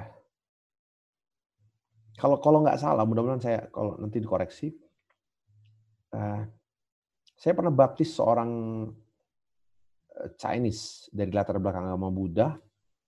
Dia mau menikah dengan uh, warga gereja kita masuk Kristen dan saya pikir persoalan kan kalau dari Muslim masuk uh, Kristen atau yang lain lain penekanannya, bacaan Injil kita lain dan segala macam. Yang kira-kira jadi titik tolak untuk untuk menjelaskan. Tapi dari uh, beliau sendiri waktu itu yang saya tangkap kan seolah-olah ya hidup kita ini kan soal bagaimana kita jalani aja sekarang. Kalau hidupmu baik sekarang, nanti berinkarnasi lahir kembali, kamu kalau sekarang prajurit hidupmu baik, sersan nanti lahir kembali jadi kolonel gitu loh. Baik kembali, nah jadi jadi semacam hukum yang berjalan begitu saja. Tidak ada tempat bagi kasih karunia, tidak ada tempat bagi intervensi Tuhan, tidak ada tempat bagi ya iya betul-betul hanya terjadi begitu saja gitu loh. Sudah diatur semua dan segala macam. Saya saya ingat saya pernah cerita satu hal ya. Eh, saya tanya sama dia, saya bilang menurutmu itu peristiwa apa tuh? Saya karena itu pengalaman pengalaman benar ya. Saya baru diurapi jadi seorang pendeta baru satu minggu. Saya pergi pelayanan ke daerah Cikarang, Cibarusa sana. Itu daerah waktu itu 15 tahun 2003 tuh. Jadi berapa tahun? 17 tahun lalu. Itu pengalaman yang nggak pernah saya lupa per hari ini. Saya pergi ke situ jam 9 malam rumah terakhir saya kunjungi sekitar jam 10 saya pamit dari rumah itu. Saya baru jalan 5 meter, bull join ban apa? Bull join kiri depan mobil kami itu apa? Eh sorry mobil saya itu ambruk. Saya sendiri. Ambruk. Eh, lepas. Jadi badan mobil itu jatuh di bannya. Nah yang luar biasa adalah saya betul-betul bilang aduh gimana nih? Siapa yang mau tolong? Jam 10 kayak gini tengah malam jauh. Satu jam dari tempat kami di Bekasi. Saya telepon teman di apa eh, tukang bengkel depan rumah. Orang Kristen cuma jarang ke gereja saya bilang, eh, ini mobil rusak. Dia datang satu jam kemudian, tiba setengah dua belas lah. Dia lihat, waduh Pak Pendeta, ini yang rusak namanya bull join.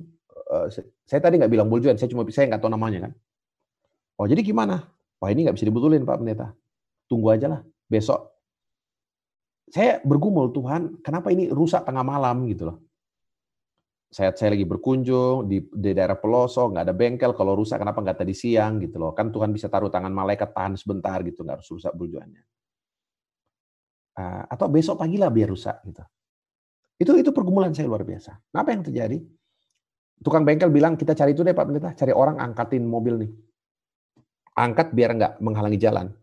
Karena nggak bisa didorong kan kalau bull jointnya jatuh itu badan mobil jatuh di ban jadi nggak bisa didorong. Harus diangkat baru didorong yang luar biasa sementara kami cari orang, ini jam setengah 12 malam, bayangkan aja tuh.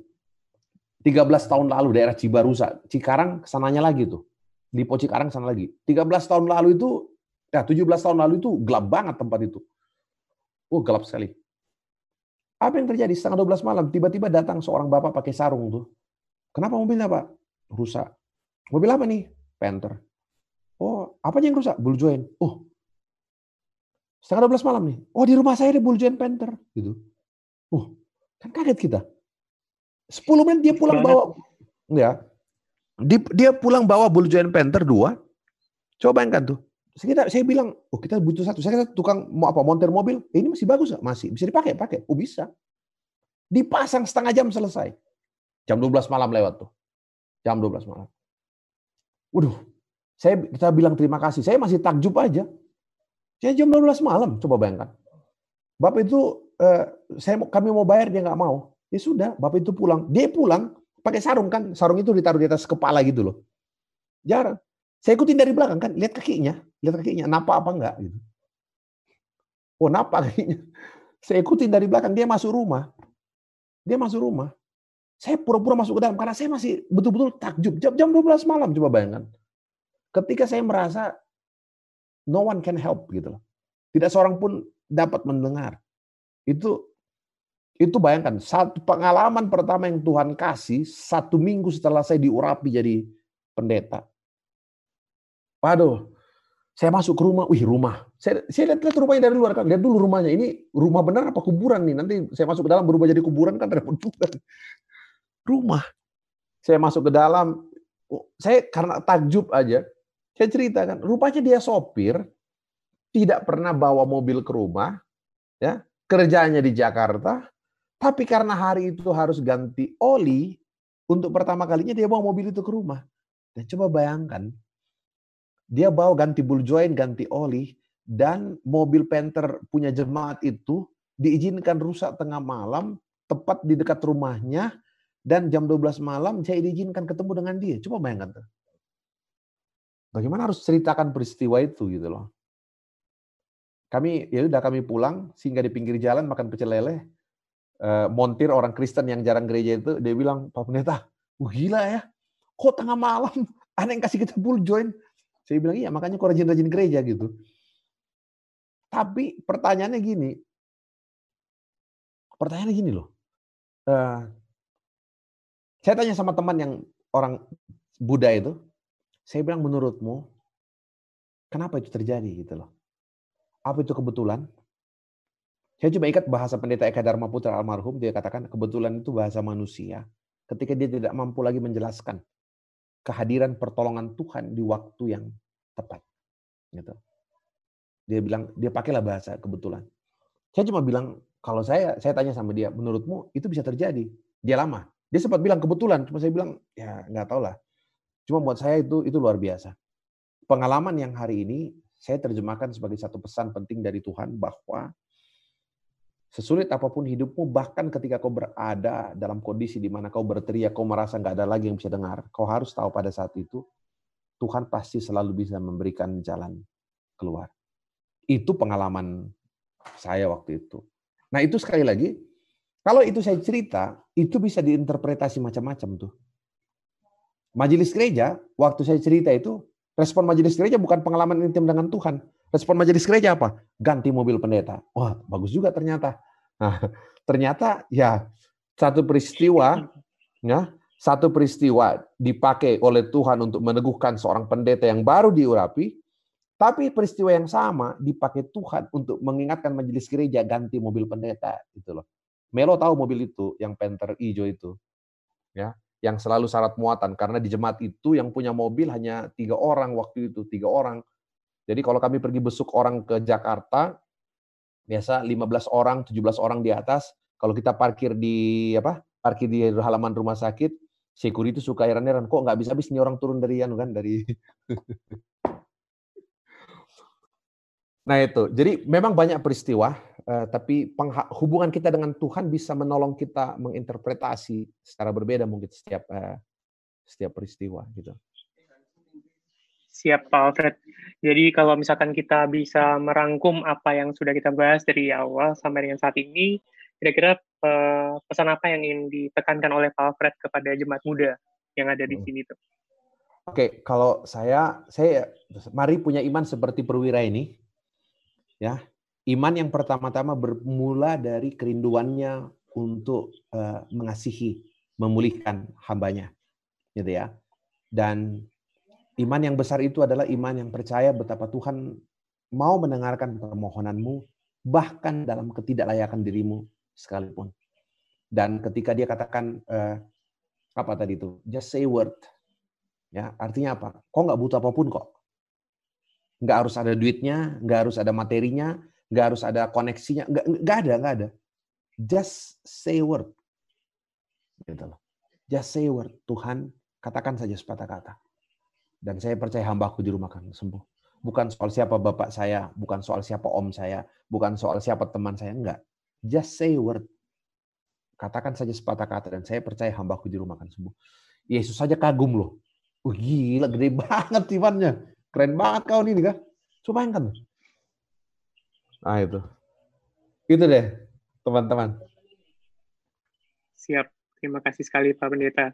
Ya. Uh, jadi teman-teman untuk uh, lebih mendalami apa yang tadi disampaikan oleh Bapak Pendeta, uh, kita akan mendengarkan satu lagu, satu lagu yang akan diputar oleh Ata. Boleh minta